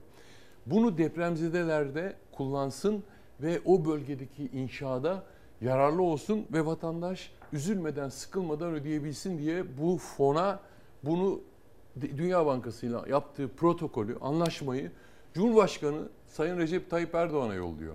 Diyor ki bunu onaylarsanız ben bu krediyi alacağım. Depremzedelere kredi olarak dağıtacağız ve bu sayede depremzedeler ev sahibi olacaklar diyor. Onaylamıyor. Recep Tayyip Erdoğan onaylamıyor. Şimdi ben buradan sesleniyorum. Yani Fox'u mutlaka izliyordur ve, ve Recep Tayyip Erdoğan geçtiği için içinde mutlaka e, duyar. Şunu rica ediyorum. Bu krediyi imzalasın. Cezalandırdığı İzmir Büyükşehir Belediye Başkanı Tunç Soyer ya da İzmir Büyükşehir Belediyesi değil. Cezalandırdığı depremzedeler. Hı hı. 31 Temmuz'da Gündoğdu Meydanı'nda depremzedeler e, buluşacak ve çok büyük bir miting yapacaklar. İlk kez artık sahaya çıkıyorlar, alana çıkıyorlar. Anlattıklarını duyuramadılar çünkü. Hı hı. Çok e, o kötü durumu anlatamıyorlar. Bir de e, tamam Rize bizim kentimiz ve çok büyük felaket yaşadı. Bütün Rize'ye geçmiş olsun diyorum ve canı gönülden afet bölgesi e, ilan edilmesini ka- e, gerçekten kabul ediyorum ve doğru buluyorum. E, peki Bayraklı, İzmir, Bornova, e, Elazığ'dan da benzer bir ses niçin, yükseldi. ha, niçin e, afet bölgesi ilan edilmedi? Neden oradaki insanlar afete uğramadılar mı? Can vermediler mi? Oradaki insanlar e, çökük altında kalmadılar mı? Büyük bir felaketi yaşamadık mı? Biz İzmir olarak niye cezalandırılıyoruz? Ben soruyorum. Buradan Önemli bir e, soru. e, Recep Tayyip Erdoğan'a soruyorum. Niye cezalandırıyorsun sen İzmir'i? Niye İzmir'e kızgınsın? İzmir çünkü sana oy vermiyor diye sen cezalandırıyorsun. Başka türlü düşünemiyorum. Ve İzmir muhalif olduğu için cezalandırıyorsun. Rize senin memleketin olduğu için afet bölgesi olmuyor. Afet bölgesini hak ettiği için oluyor. Olması gerektiği için. Olması gerektiği için. Ama İzmir'de olması gerektiği için afet bölgesi olması gerekir. Evet. Yapmıyor. Ezgi Çok Hanım. teşekkür ediyoruz. Önemli sorular sordunuz ve önemli konulara değindiğimizi düşünüyorum. Çok kıymetliydi bizim için katkınız. Çok çok teşekkür ediyoruz. teşekkür. CHP İzmir Milletvekili Atilla Sertel bizimleydi sevgili izleyenler. Kendisine kıymetli katkısından dolayı çok çok teşekkür edelim. Reklama gidelim. Bir kez daha günaydın sevgili izleyenler. Ekranlarınızın başına tekrar tekrar hoş geldiniz. Bir reklam arasından sonra son sürat kaldığımız yerden devam edeceğiz Çalar Saat'e. Gündemin başlık- başlıklarını size aktarmaya devam edeceğiz. Sizin bize gönderdiğiniz mesajları aktarmaya devam edeceğiz. Hal böyleyken dedik bugün başlık olarak. Siz de Twitter'dan ve Instagram'dan çokça mesaj gönderdiniz. Birikti farkındayım bakacağız. E, aşı konusuna da geri dönmek istiyorum aslına bakarsanız. Biliyorsunuz pek çok e, meslek birliğinin çağrısı vardı bu konuyla ilgili. Bu konu bizim haberlerimize de yansıdı, gazete manşetlerine de yansıdı. Hatta yavaş yavaş sahada bununla ilgili adımlar da atılmaya başladı. Birazdan o haberi izleyeceğiz. Artan vakalarla Ağustos'ta pik kaygısı duyan hekimler uyardı diyor Cumhuriyet Gazetesi. Konuyla ilgili haberi ilk sayfadan vermiş ve aşı zorunlu olsun başlığını atmış. Günlük 5 binlere kadar düşen vaka sayısı bayramda 15 binlere kadar dayandı. 18 yaş üzeri 23 milyon aşı yaptırmazken sırası geldiği halde ikinci dozu yaptırmayanların 17 milyon, üçüncü dozu olmayanların da 9 milyona ulaşması aşının kritik mesleklerde zorunlu olmasını gündeme getirdi diyor. Sizce o kritik meslekler nedir? Hadi sıralayalım. Hal böyleyken hangi meslek grupları, hangi yaş grupları muhakkak aşı olmalı? Siz de bize fikrinizi bildirin. Öyle ki artık sahadan benim dükkanıma aşısı olmayan giremez diyen işletmecilerin sesleri de duyulmaya başladı. Aşı konusundaki son gelişmeleri derledik sizin için yurttan izliyoruz. Sağlık personeli ve devlet kurumları hatta esnaf aşı seferberliğinde. Şanlıurfa'da hediye çekilişi, Trabzon'da otel indirimi var. İzmir'de ise bir restoran kapısına aşı olmayan giremez yazısı astı. Özellikle aşılamanın, aşının bir an önce bitirilmesi gerekiyor ki e, esnafımız, e, iş yapan insanlarımız, çocuklarımız, okula gidecek çocuklarımız bundan etkilenmesin. Vaka sayıları hızla yükseliyor, tehlike büyüyor ama aşılama hızı hala istenilen seviyede değil. Türkiye'nin pek çok şehrinde vatandaşı aşıya teşvik etmek için çalışmalar başlatıldı.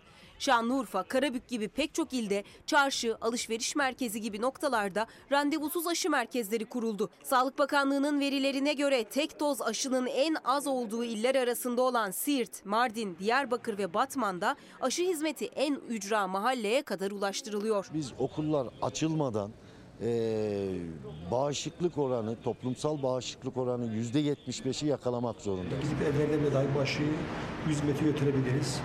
Ben buradan tüm hemşehrilerime rica ediyorum gelsinler, mutlaka aşılarını olsunlar. Şanlıurfa Valiliği 18 ile 25 yaş arasındaki kişilerin aşı yaptırmasını teşvik etmek amacıyla çeşitli hediyeler vereceğini açıkladı. Bu yaş gruplarında aşı yaptıran kişiler arasında her hafta yapılacak çekilişle tablet ve bisiklet gibi hediyeler dağıtılacak. Trabzon'da ise Turizm İşletmecileri ve Seyahat Acenteleri Derneği ikinci doz aşısını yaptıranlara konaklamada indirim uygulanacağını duyurdu. Kampanya 1-31 Ağustos tarihleri arasında geçerli olacak. Şehirde de şu anda yaklaşık 30-40'a yakın işletme bu konuya e, gönülden destek verdiler. Onlara da tekrar tekrar teşekkür ediyorum. İzmir'in Konak ilçesinde bir işletmeci ise restoranın girişine aşı olmayan giremez yazısı astı. Gerçekten güzel bir uygulama. Aşı olalım lütfen. Aşı olalım lütfen diyen e, vatandaşlarımızın da seslerini ekrana getiriyoruz. Aşı olmak istemeyenlerden de tabii ki söz ediyoruz. Tabii ki en büyük tartışma konuyla ilgili nedir? Bu bir özgürlük sınıfına mı girer, sorumluluk sınıfına mı girer tartışması sürüyor vatandaşların. E, bu gerçekten önemli bir konu. Çünkü aşılamayla ancak bir salgının önüne geçilir diye konuşuyoruz biliyorsunuz ki. Geçmişte yaşanan pek çok salgında bu tecrübe edinilmiş durumda. Bilim insanları bu tecrübeyi edindiler. E, öyle salgınlar yaşadı ki dünya bir aşısı çıktı. Belki de aşısının çıkması yıllar aldı. Bu aşılar biraz hızlı geliştirilmek zorunda kaldı. O aşı o kadar yaygın gerçekleştirildi ki virüs ortadan kalktı biliyorsunuz. Benzer bir durumun koronavirüste de olması için pek çok varyantı var artık biliyorsunuz. Benzer bir durumu koronavirüste de yaşamak için bilim insanlarının söylediği aşı olunması gerektiği yolunda. Pencere gazetesi Türk Tabipleri Birliği'nin çağrısına e, kulak vermiş. Bu sese kulak verin başlığını atmış. Pandemi başladığından beri bilimsel tedbirler için çırpınan ama terörist bile ilan edilen Türk Tabipleri Birliği bir kez daha büyük hızla artan vakalara dikkat çekti. Acil önlemleri sıraladı. Türk Tabipleri Birliği diyor ki 12 yaş ve üzeri aşı hızla aşı takvimine dahil edilmeli. Aşı, aşı reddi e, bir bireysel özgürlük gibi tanımlansa da karşı karşıya olduğumuz küresel bir salgında insanları öldürme keyfiyetine dönüşüyor dedi Türk Tabipleri Birliği. Salgın değil algıyı yöneten ve yükümlülüklerini yerine getirmeyen 150 binin üzerinde ölüme sebep olan iktidar ve bakanlık ülkenin yeni alevlenmeye karşı karşıya kalmasına neden oldu diyor. Yeni bir alevlenmeyle karşı karşıya kalmasına sebep oldu diyor. Türk Tabipleri Birliği'nin konuyla ilgili son açıklaması da bu yönde sevgili izleyenler. Şimdi bir otoyol haberiyle devam edeceğiz. Otoyol haberlerini ekrana çokça getiriyoruz. Açıkçası muhalefet de bu işin peşini bırakmadığı için ve bu konu ciddi anlamda haber değeri taşıdığı için hepimizin cebinden aslında para çıkmasına sebep olduğu için bu konu bu kadar gündemde yer alıyor haliyle. Ee, bir ek maliyet söz konusu. Kuzey Marmara Otoyolu'nun kendisi zaten çok büyük bir tartışma konusuyken ek maliyeti olduğu ortaya çıktı. CHP Genel Başkan Yardımcısı konuyla ilgili soru önergeleri verdi. Sonunda o soru önergelerine gelen yanıtta ortaya çıktı ki 19 milyar liralık ek maliyet. Türkiye'nin en maliyetli otoyol projesi olan Kuzey Marmara Otoyolu'nda yılbaşından bu yana bir iddiayı dile getiriyoruz. Bu otoyolun özellikle Kurtköy Akyazı ile Kınalı Odayeri kesiminde olağanüstü bir maliyet artışı yaşandı. İddiayı Hazine ve Maliye Bakanlığı doğruladı. Kuzey Marmara Otoyolu'nun maliyeti 2 milyar dolardan fazla arttı. Güncel kura göre yaklaşık 19 milyar liralık rekor bir ek maliyet artışı yaşandı. Ek maliyet artışı projelerin toplam maliyet bedelinin yarıdan daha fazlası bir tutara denk geliyor. Yap işlet devret modeliyle yapılan Kuzey Marmara Otoyolu'nun iki ayrı kesiminde de %50'nin üzerinde maliyet artışı yaşandığı iddiaları vardı. CHP Genel Başkan Yardımcısı Ahmet Akın konuyla ilgili defalarca soru önergesi verdi. Sorumluluk Ulaştırma Bakanlığı'nda yanıtını aldı. Aynı soruyu bu defa Ulaştırma Bakanlığı'na yöneltti. Ancak hiçbir yanıt alamadı. Hem hazine hem de Ulaştırma Bakanlığı'na tekrar bu rekor ek maliyet artışını tekrar sorduk. 4 ay sonra gelen yanıtta Kuzey Marmara Otoyolu'nda yaşanan ek maliyet artışı ilk kez resmi olarak doğrulanmış oldu. Hazine ve Maliye Bakanlığı aylar sonra verdiği yanıtta kamu finansmanı raporunu işaret etti ve Kurtköy Akyazı kesiminde %65,5, Kınalı Oda Yeri kesiminde ise %55,3 oranında ek maliyet artışı yapıldığı böylece ortaya çıktı. İktidar sonunda rekor maliyet artışını kabul etti. Hazine ve Maliye Bakanlığı'nın adres gösterdiği rapora göre her iki kesimde yapılan ek maliyet artışları toplamda 2 milyar 186 milyon 895 bin 114 dolar. Yani ek maliyeti projelerin toplam maliyetlerinin yarısından da fazla. Güncel kura göre yaklaşık 19 milyar liralık artış demek. Ve bu parayı halk Kuzey Marmara Otoyolu'ndan geçse de geçmese de ödeyecek. Bu kapsamda garanti tutarının ve garanti süresinin ne kadar değiştiğinin de açıklanması bir zorunluluktur. Otoyola verilen garanti koşullarını geçse de geçmese de ödeyecek olan vatandaşlarımızın bunu bilmesi gerekir. Vatandaşlarımızın bunu bilmesi gerekir. Cumhuriyet gazetesinin manşetini de vatandaşlarımızın bilmesi gerekir. Cumhuriyet'in manşetinde bugün kavakçıya dolar yağmış demiş editörler. Cumhuriyet Amerika Birleşik Devletleri'nde okusun diye AKP vekilinin cebine İBB'den kaç para konduğunu açıklıyor. İBB Başkanı İmamoğlu AKP milletvekilinin İBB ile ilişkisine dair bir müfettiş görevlendirdi. Hazırlanan rapora göre İBB şirket personelinin yurt dışında eğitim alması için 4 Ağustos 2008'de karar aldı. Ravza Kavakçı Kan ABD'deki Harvard Howard Üniversitesi'ne 24 Kasım 2008'de kabul edildi. 1 Aralık 2008'de İBB şirketine başvuran Kavakçı işe başlatıldı. 23 Aralık 2008'de İBB Ulaşım AŞ Genel Müdürü Ömer Yıldız okula mektup yazdı. Kavakçı'nın eğitim masrafları, sağlık sigortası ve geçimini İBB'nin karşılayacağı taahhüt edildi. Kavakçı'ya giderken 4000 dolar verildi. Her ay 2000 dolar ödeneceği üniversiteye bildirildi. 2013 yılına kadar Kavakçı'ya 155 bin dolar ve 59 bin lira para verildi diyor. Barış Pehlivan'ın haberi bugün Cumhuriyet Gazetesi'nde kendine manşetten yer bulmuş. Madem bu kadar paradan bahsettik o zaman memurların zam pazarlığına da şöyle bir bakalım. E, sendikalar istedikleri zam oranlarını açıkladılar. 2 Ağustos kritik tarih. Memur maaşlarına 600 TL seyyanen zam yapılmalıdır. 2022'de %21, 2023'te %17 artırılmalıdır. Önümüzdeki iki yıl için toplamda %38 zam istiyor memurlar. Hükümetle zam pazarlık masasında yetkili konfederasyon memur sen tekliflerini Çalışma Bakanlığı'na da iletti. Sadece enflasyonun üzerinde zam değil talepleri. İktidarın sık sık vurguladığı büyüyen Türkiye hatırlatmasıyla refah payı da var. Her iki yıl için üçer puan olmak üzere toplamda 6 puan refah payı mutlaka verilmelidir. 4 milyonun üzerinde memur ve 2 milyon memur emeklisinin gözü kulağı 2 Ağustos'ta başlayacak zam pazarlığında. 2022 ve 2023 maaşları memur senin iktidarla yapacağı pazarlıkla şekillenecek. Dik dur Ali Yalçın. Madem söylediklerini yapacaksın biz senin yanında olacağız. Geçen dönem hükümetin teklifini beğenmemiş masadan kalkmıştı memur sen. Ama hakem heyeti zammı onaylayınca enflasyon %17'ye dayanırken 2020 için %4 artı 4, 2021 için %3 artı 3 zam aldı. Bu yıl ilk kez yetkili konfederasyon memur sen, kamu senle birlikte teklif hazırladı. Kamu sen maaş hesabını altın dolar üzerinden de yaptı. 2002 yılında ortalama memur maaşıyla 22.1 çeyrek altın alabilirken bugün bu rakam 6'ya kadar gerilemiştir. 2019 yılında 706.7 dolar olan ortalama memur maaşı 2020 yılı sonunda 570.4 dolara düşmüş.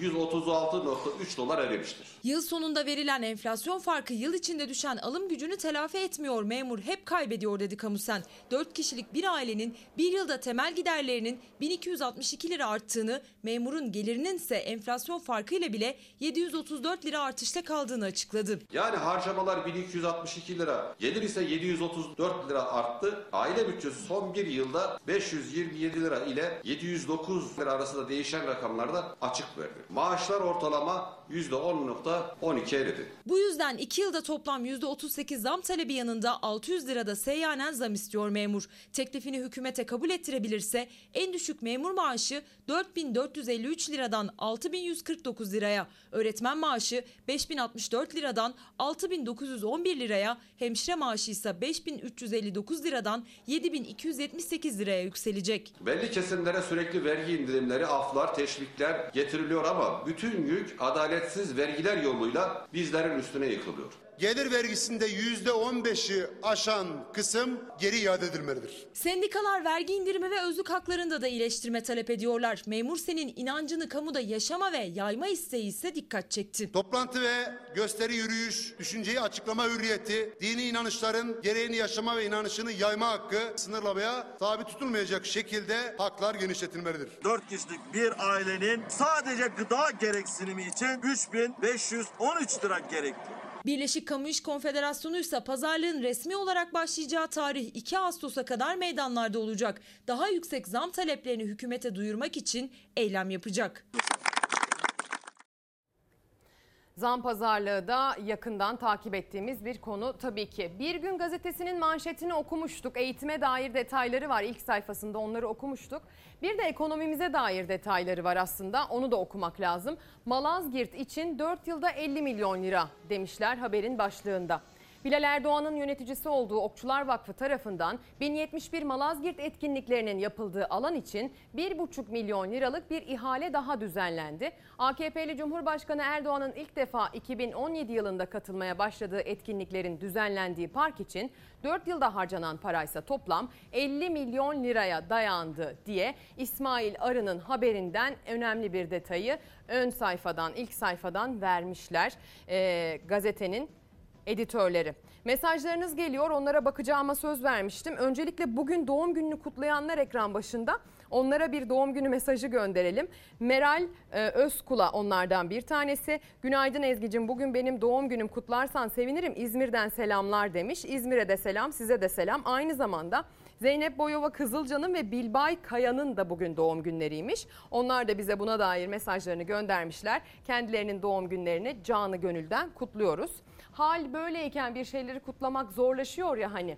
İşte umudu diri tutmak boynumuzun borcu olduğu için kutlamaları da es geçmemeye gayret ediyoruz. İyi dileklerimizi, günaydınlarımızı, iyi günlerimizi, iyi akşamlarımızı birbirimize sunmayı önemsediğimizi buradan her fırsatta söylüyoruz. Hatta nacizane tavsiye de ediyoruz sizlere. Bunu yolda, sokakta, asansörde, merdivende, bakkalda, çarşıda tanıdık tanımadık selamlaşarak bir bütünlük sağlanabilir, bir hoşluk sağlanabilir diye düşünüyoruz. Başkasının yaşamında, başkasının gününde bir güzellik olursanız eğer o güzellik size bence geri dönecektir.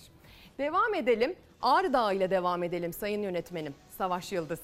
Ee, Ağrı Dağı'nda yabancı uyruklu sporcular bu bizim ülkemizin e, müthiş güzelliğini gezmek istediler, tırmanış yapmak istediler ama gelin görün ki kayboldular ve e, Temmuz ortasında tipiyle, sisle mücadele edilerek kurtarıldılar.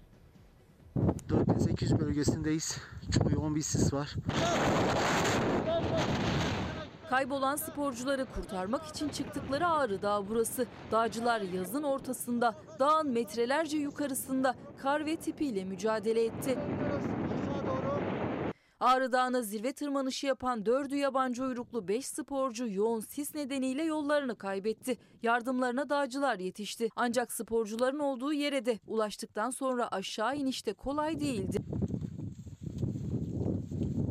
Sis ve tipi de arama yapan ekip kaybolmamak için aynı halatın etrafında ilerledi. Tipi o kadar kuvvetliydi ki yürümekte, konuşabilmekte güçtü.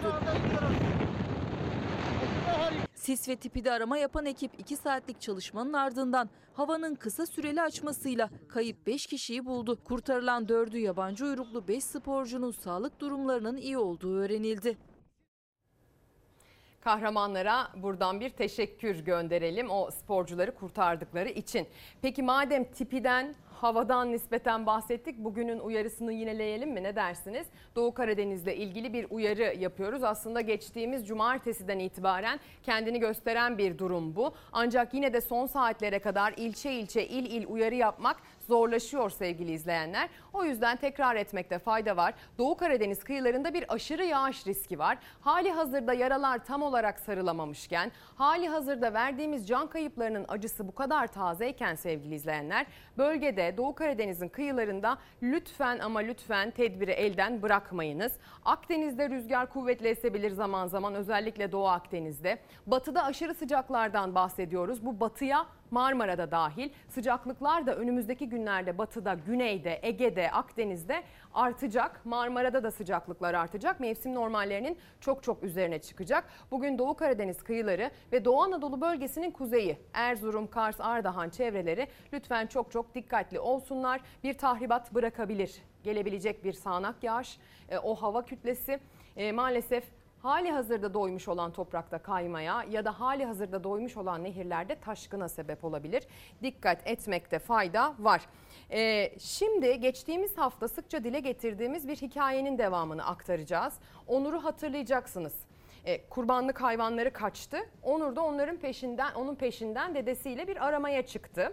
Onur kendi başına hayvanı aramaya devam ederken kayboldu ve aslında kaybolduğu alanda çok ıssız bir yer değildi. Tek tük de olsa işletmelerin, insanların bulunduğu bir yerdi. Ve aradan geçen 3 günden sonra Onur'un cansız bedenine ulaşıldı. Kaybolması da ilginçti. Sonrasında cansız bedeninin bulunması, ölümü hikayesi de çok çok ilginçti. Şimdi otopsi raporu bekleniyor. Bakın konuyla ilgili son olarak nereye gelindi? Bunda büyük bir köpek korkusu vardı. Olduğu yerden bulmuş olduğu yolla devam etse bizim buraya gelecek. 2 kilometre arası. O yola yoğunlaşıyor ancak o yolun üzerindeki evden, bahçeden çıkan köpekler bunu korkutuyor. Bu tam tersine sola dönüp şeye kaçıyor. O derenin içine giriyor.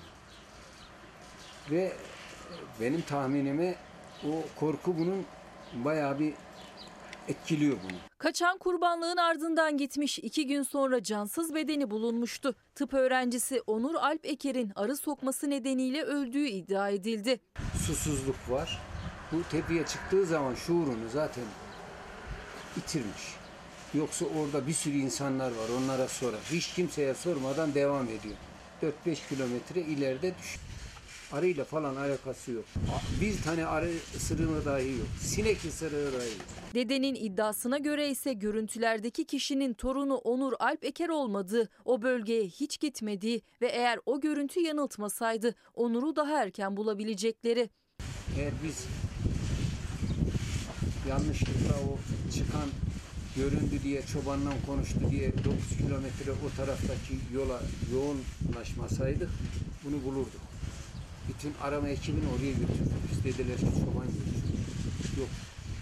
Ee, kameraya yürüyen bu şekilde bize yansıdı. O, o da onur değil. Sonradan çıktı ortaya. Onur Alp Eker'in asıl ölüm nedeni çıkacak kesin otopsi raporuyla belli olacak. Biz de takip ediyoruz, merakla bekliyoruz o sonucu. Mesajlar geliyor. Mesajlardan bir tanesi aşıyla alakalı.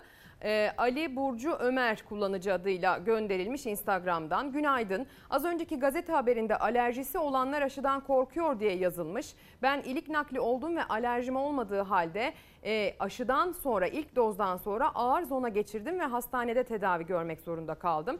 Doktor ikinci aşıyı asla olma diyor.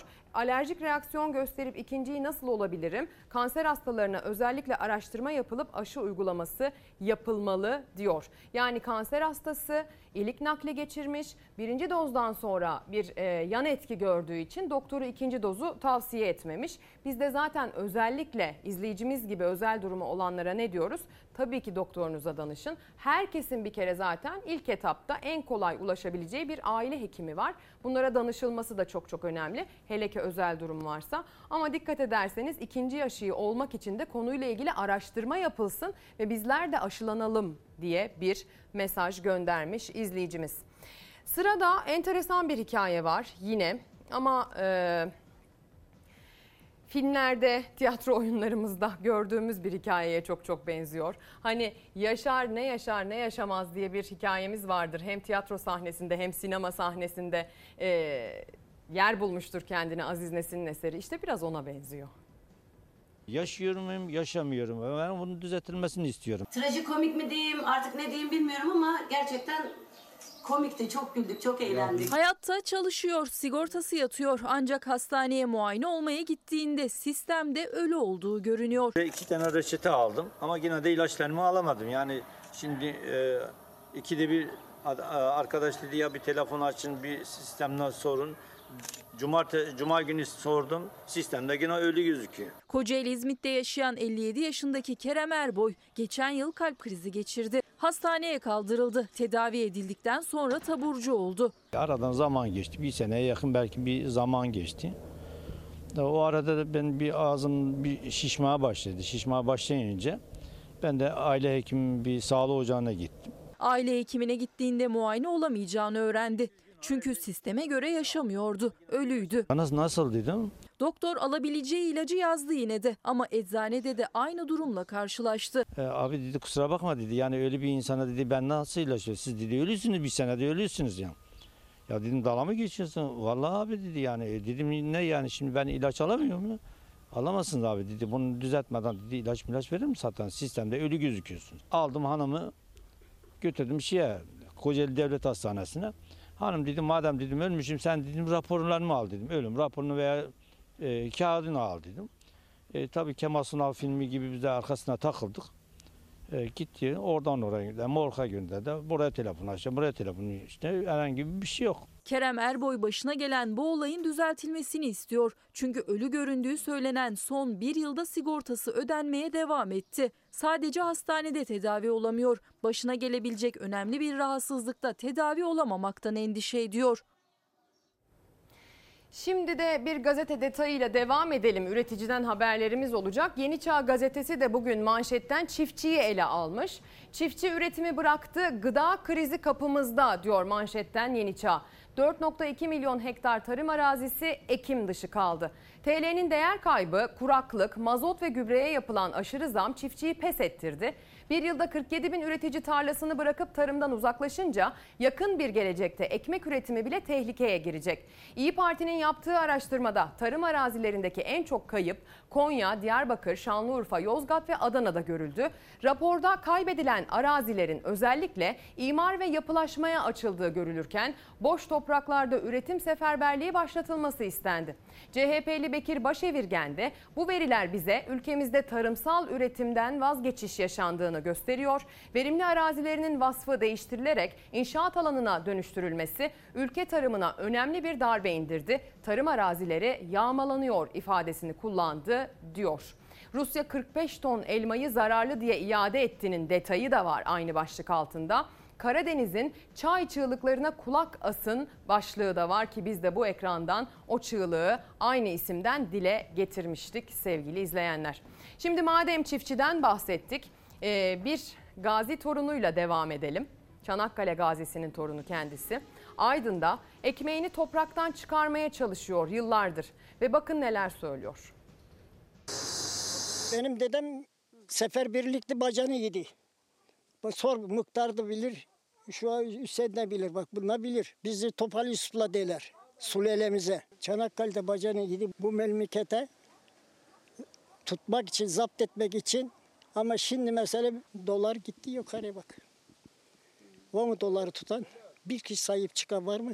Türk parasını sahip çıkan var mı? Sana soruyorum. E, çiftçinin eli böyledir. Bak çiftçinin elini görecek ama çiftçinin derdini derdi o derdi olmadı derman olmadıktan sonra hiç kıymeti yok. Bak bunu da söylüyorum hiç kıymeti yok. Elleri yara bere içinde, yılların izleri çehresinde, gözleri yorgun. Ne yorgunluğa ne yaralara aldırıyor ama. Çünkü o bir Çanakkale gazisinin torunu. Vatan toprağının kıymetini çok iyi biliyor. En büyük zenginliğe o verimli tarlalara sahip çıkmak için de işinin başında. Çiftçilik yapıyorum. Doğduğumdan beri çiftçiyim yani. Çiftçiyim ama hala daha şavkaramadım. Çiftçilikle şavkaramadım. Yani gün yüzü, güneş yüzü göremedim diyor kendi şivesiyle. Aydınlı Cavit Avaz. Avaz avaz haykırıyor. Çiftçi darda diyor. Duyan olur umuduyla. Duyuramıyoruz zaten. Duy, duyursan zaten senin işin yok. Hükmün yok zaten. Bak bu tarlanın sürülmesi var. Bu ağaçları ilaçlaması var. Tarlayı gübre atması var. Gübre zaten biz mesela biz 120 liradan aldık gübre şimdi 180 liraya çıktı gübre. Devlet bile karşı gelmiyor. Salıverdi bunlara. Yakasını salıverdi. Gidiyor yukarıya. Ağaçtaki oğlunuz Oğlum. şu an kayısıları topluyor. Kaçtan satacaksınız? Gayesi gideceğiz kendimiz satacağız. Ne bulursak yani. Bir defa 10 liraya satabiliriz yani. Akşamüstü 3 lirada satasın 1 liraya da satasın. Tüccara verse ettiği masrafı karşılamıyor. Haftada bir pazarda tezgah açıp satıyorlar meyvelerini. Ama vatandaşın alım gücüne takılıyorlar bu kez. Mal ellerinde kalmasın diye akşam pazarında fiyatı yine aşağı çekiyorlar. Ürün bol olsa da gelir sınırlı. Kiraz var. Ondan sonra incir var. Zeytin var. Üzüm çok satı. Siyah üzümde alfos var. Atasarısı var. Yalav incisi var. Barış çekirdeksizi var. Aydın'ın Kirazlı köyündeyiz. Adı Kirazlı ama burası adeta bir meyve cenneti. Yok yok hatta fındık bile bitmiş toprakta. Toprak bu kadar bereketli ama çiftçinin yüzü yine gülmüyor. Hiç kıymeti yok yani meyve bol, bol olmuş. Benim mesela rahatım iyi olmadıktan sonra bir sene mesela kar- karşılığı çalışıyorsun. Bir tek motor alamıyorsun. Ancak karnını doyuruyorsun.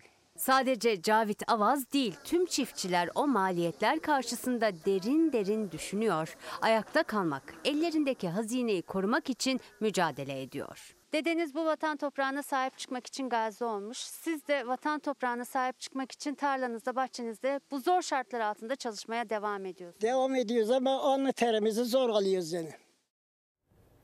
İnsan kendi memleketinden birinin şivesini, sesini duyunca e, oraya gitmiş gibi oluyor. Size de oluyor mu? Nazlı Yere Basmaz'ın haberini Ercan Canik görüntüledi sevgili izleyenler. Şimdi basın özgürlüğü diyeceğiz. 24 Temmuz basın bayramıydı. 3 gün önce kutladık. Kutlamak doğru tabir mi çok emin değilim bu koşullar altında. Türkiye Gazeteciler Cemiyeti 2021 e, basın özgürlüğü ödüllerini sahipleriyle buluşturdu. Aralarında polis şiddeti görenler de vardı.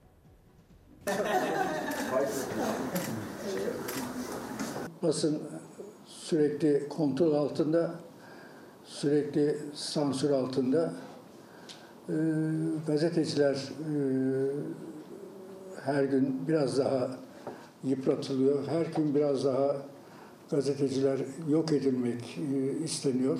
Türkiye Gazeteciler Cemiyeti 2021 Basın Özgürlüğü ödülleri sahiplerine verildi. Gazeteci Bülent Kılıç, Haziran ayında onur yürüyüşü sırasında görüntü almak isterken polis şiddetine maruz kalmış, ölümle burun buruna gelmişti. Basın Özgürlüğü ödüllerinden birinin sahibi oldu.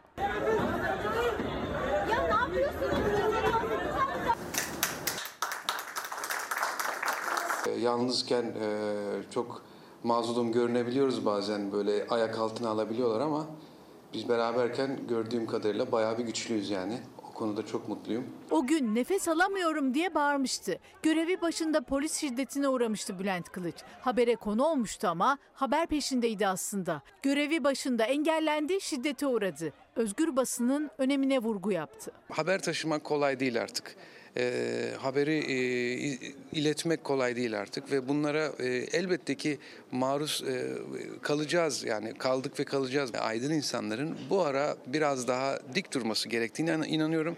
Ee, basın özgürlüğü yok ancak basın özgürlüğün ben geleceğine kesinlikle ve kesinlikle inanıyorum. 24 Temmuz Basın Bayramı olarak kutlanıyor. 24 Temmuz 1908 tarihinde sansür memurlarını kovdu gazeteciler. Sansüre dur dediler. İşte bu tarihe dikkat çekmek ve basın özgürlüğüne vurgu yapmak adına Türkiye Gazeteciler Cemiyeti Basın Özgürlüğü ödülleri veriyor her yıl.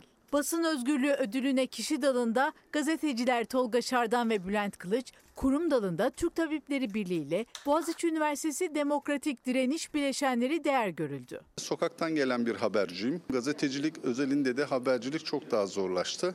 Ee, ben de haberci olduğum için bu ödülü e, bana da vermişler. Çok mutlu oldum. Türkiye Gazeteciler Cemiyeti Başkanı Turgay Olcayto, Türkiye'de basın özgürlüğü olmadığını savundu. Bakıyorsunuz bizim halk ne kadar bilgilenebiliyor, kamuoyu ne kadar bilgilenebiliyor. Hep örselenmiş bu. Yani tek parti döneminden tutun bugüne kadar. Daha tehlikelisi bir de e, otosansür var. Kendi kendilerine sansür koymak zorundalar. Aman bundan patron kızar, aman bunu koymayalım. Buna e, Cumhurbaşkanı kızar diye e, sansür yapıyorlar kendi kendilerine. Maalesef 24 Temmuz'u bayram olarak kutlamak ne kadar mümkün değilse ödüller de bir o kadar kıymetli sevgili izleyenler. Şimdi Malatya'ya doğru uzanacağız. İyi bir haber vereceğiz. Arslantepe Höyüğü UNESCO tarafından Dünya Mirası listesine alındı. Malatya Türkiye'nin 19.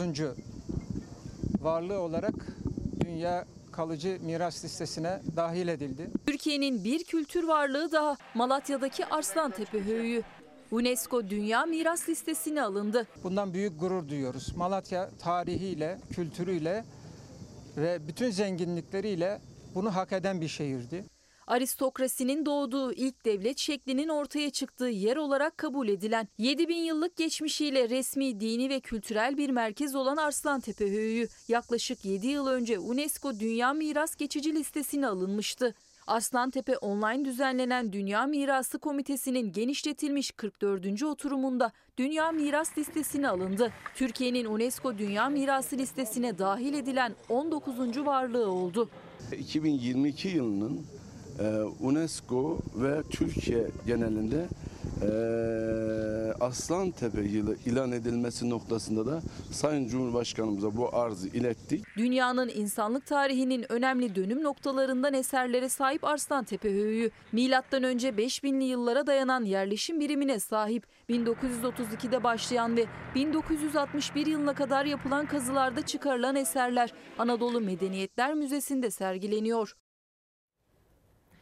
Ülkemizin her köşesi cennet diye boşuna denmiyor değil mi? Bizler de söylüyoruz. Çünkü öyle olduğuna inandığımız için ve bakın işte buyurun bir cennet köşemiz daha hakkınca değerlendirilmiş. Ee, Bir cen- cennet köşemiz daha onaylanmış. Evet burası çok önemlidir diye. İşte aynı ölçüde e, önem verilir. Umarız oraya aynı ölçüde turist gidişi sağlanır. Aynı ölçüde değerince takdir görür. Devam edelim. Ee, Edirne Keşan'dan bir pandemi manzarası gelecek e, ekranlarınıza. Pandemide bir nikah şekli. Nikah memuru, belediye başkanı e, karantinada olunca bakın nikah nasıl kıyıldı. Bu güzide çiftimizin nikah akitlerini gerçekleştirmek üzere belediye başkanımız Sayın Mustafa Elvacıoğlu'nu balkona davet ediyoruz. Alkışlarınızla. Nikahlarını belediye başkanı kıysın istediler ama başkanın karantinaya girmesi hesaplarında yoktu. Başkan gelemeyince nikahı ona götürdüler. heyecanlıyım ki herhalde biz bir ilkleri yaşıyoruz. Sayın Vekilim, merhabalar olsun. Özlemişim sizleri. Herkese selamlarım olsun. Edirne'nin Keşan ilçesinde Kader Çakır ve Ertuğrul Katı, Keşan Belediye Başkanı Mustafa Helvacıoğlu'ndan nikahlarını kıymak için aylar önce söz aldı. Ancak nikah tarihi gelip çattığında başkanın koronavirüs testinin pozitif olduğunu öğrendiler. Durumu iyiydi ama karantinadaydı. Onlar da nikah masasını başkanın balkonunun altına kurdular. Covid-19 olmam nedeniyle çiftlerimizin hatırını kıramadık. Balkondan bir nikah gerçekleştiriyoruz. Kıymetli eşin olacak Ertuğrul Katı'yı ömür boyu eş olarak kabul ediyor musun? Evet. Başkan balkondan kıydı nikahı. Nikah belediyenin sosyal medya hesabından canlı olarak yayınlandı. Ben de Türkiye Cumhuriyeti'nin medeni kanunun bana vermiş olduğu yetkiye dayanarak sizleri balkondan karı koca ilan ediyorum. Hayırlı olsun. Allah mesut etsin. Bu da oldu gerçekten. Yani daha ne denir? Bu da oldu. Ee, müthiş bir ısrar söz konusu. Mesafe konusundaki ısrar takdire şayan ama onun altını çizelim. Şimdi Tekirdağ Çerkezköy'e doğru gideceğiz. Pırıl pırıl pırlanta gibi gençlerimiz çok güzel bir proje için kollarını sıvadılar. Biz de onları gururla izliyoruz. Lise öğrencileri eski ahşap sıraları, şehit çocukları ve özel çocuklar için oyuncağı, oyuna, mutluluğa dönüştürüyorlar. Projemiz özünde eski ahşap sıralar oyuncak oluyor. Doğanın ve çocukların yüzü gülüyor. Adı altında tasarlandı. Tekirdağ'ın Çerkezköy ilçesindeki Kızılpınar Belediyesi çok programlı Anadolu Lisesi'nin öğrencileri, şehit çocukları ve özel eğitime gereksinim duyan öğrenciler için kolları sıvadı. Atıl durumdaki eski tahta sıraları oyuncağa dönüştürmeye başladılar. Özellikle geri dönüşüm konusunda göstermiş olduğumuz bu hassasiyet ardından ülke ekonomisine ve dolayısıyla e, üretime önemli bir katkı sunmaktadır. Proje kapsamında okullardan toplanan eski sıralar 10 öğretmen ve 113 öğrenci tarafından çeşitli işlemlerden geçirilerek ahşap oyuncaklara dönüştürüldü. Trakya Kalkınma Ajansı'ndan hibe desteği almaya da hak kazandılar. Öncelikle e, bu bizi mutlu ediyor. Şehit aile çocuklarına verdiğimiz zaman hem onların yüzlerini güldürmemiz hem de bizim yüzümüzün güldürmesi bizim için daha güzel oluyor. Çok anlamlı, verdikleri emek de çok anlamlı. Bu yaşta böyle bir proje için kolları sıvamış olmaları çok umut vaat eden bir durum. Bir de aynı zamanda o hediyelerin kime gideceği de çok önemli ya biliyorsunuz. İşte o kısım da çok çok anlamlı olmuş. Her yönüyle gerçekten yüzümüzü güldüren, içimizi e, coşkuyla dolduran, umutlandıran bir haberdi. Bunları da size aktarmak için e, büyük bir gayret sarf ediyoruz. Bunları asla atlamak istemiyoruz sevgili izleyenler. Sırada da bir azmin öyküsü var aslında. E, bir azim ortaya çıkan e, voleybol takımları ve o voleybol takımlarının başarısı. Daha da gerisi gelsin inşallah. 4 yaşından beri sporun içindeyim. Futbol olarak, voleybol olarak.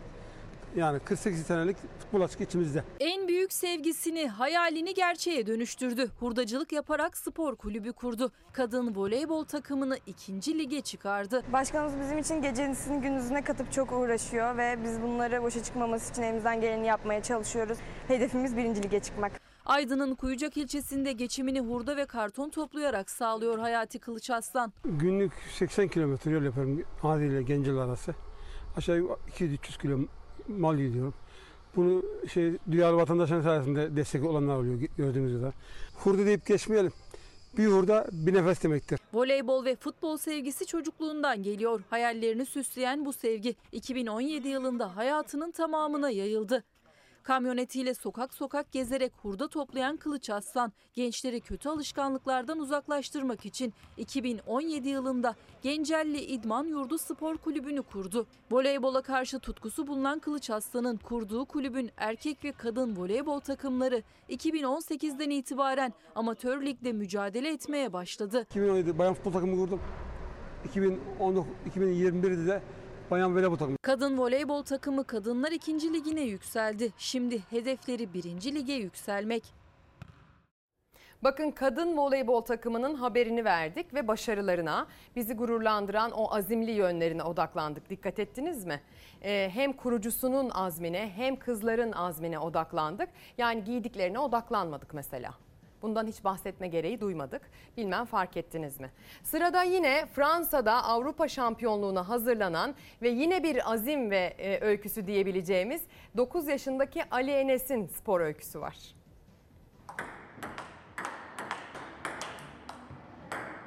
Şampiyon olduğumda milli takımına gideceğim için çok mutlu oldum. Evde yemek masasında oynayarak başladı. Minikler Ferdi milli takım seçmelerinde minik altı kategorisinde Türkiye şampiyonluğu kupasının sahibi oldu.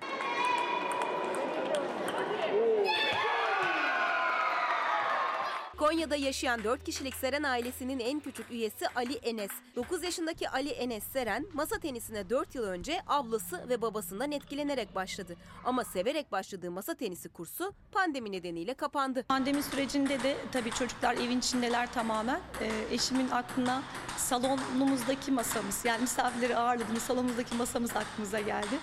Önce beni bir ikna etme süreçleri geçti. Beni ikna ettiler. Baktılar salon masasının boyutu masa tenisi masasının boyutuyla aynı değil. Dediler biz mutfak masasını da alacağız. Çözüm evdeki yemek masasında bulundu. Ali Enes ablasıyla babasıyla sürekli antrenman yaptı.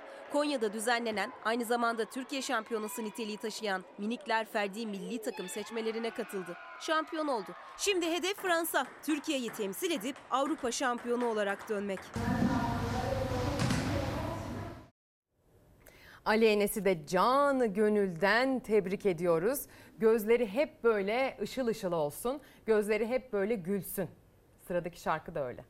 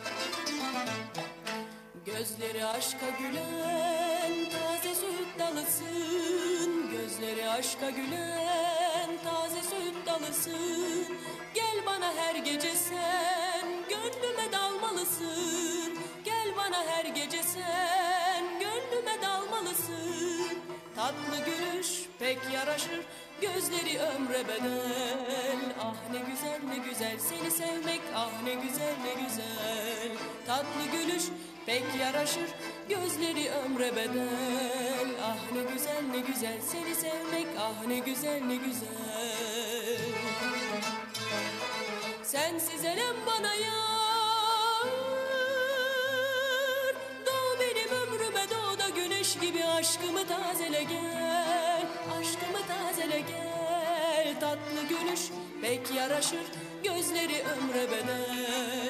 Ah ne güzel ne güzel seni sevmek Ah ne güzel ne güzel. Tatlı gülüş pek yaraşır Gözleri ömre bedel. Ah ne güzel ne güzel seni sevmek Ah ne güzel ne güzel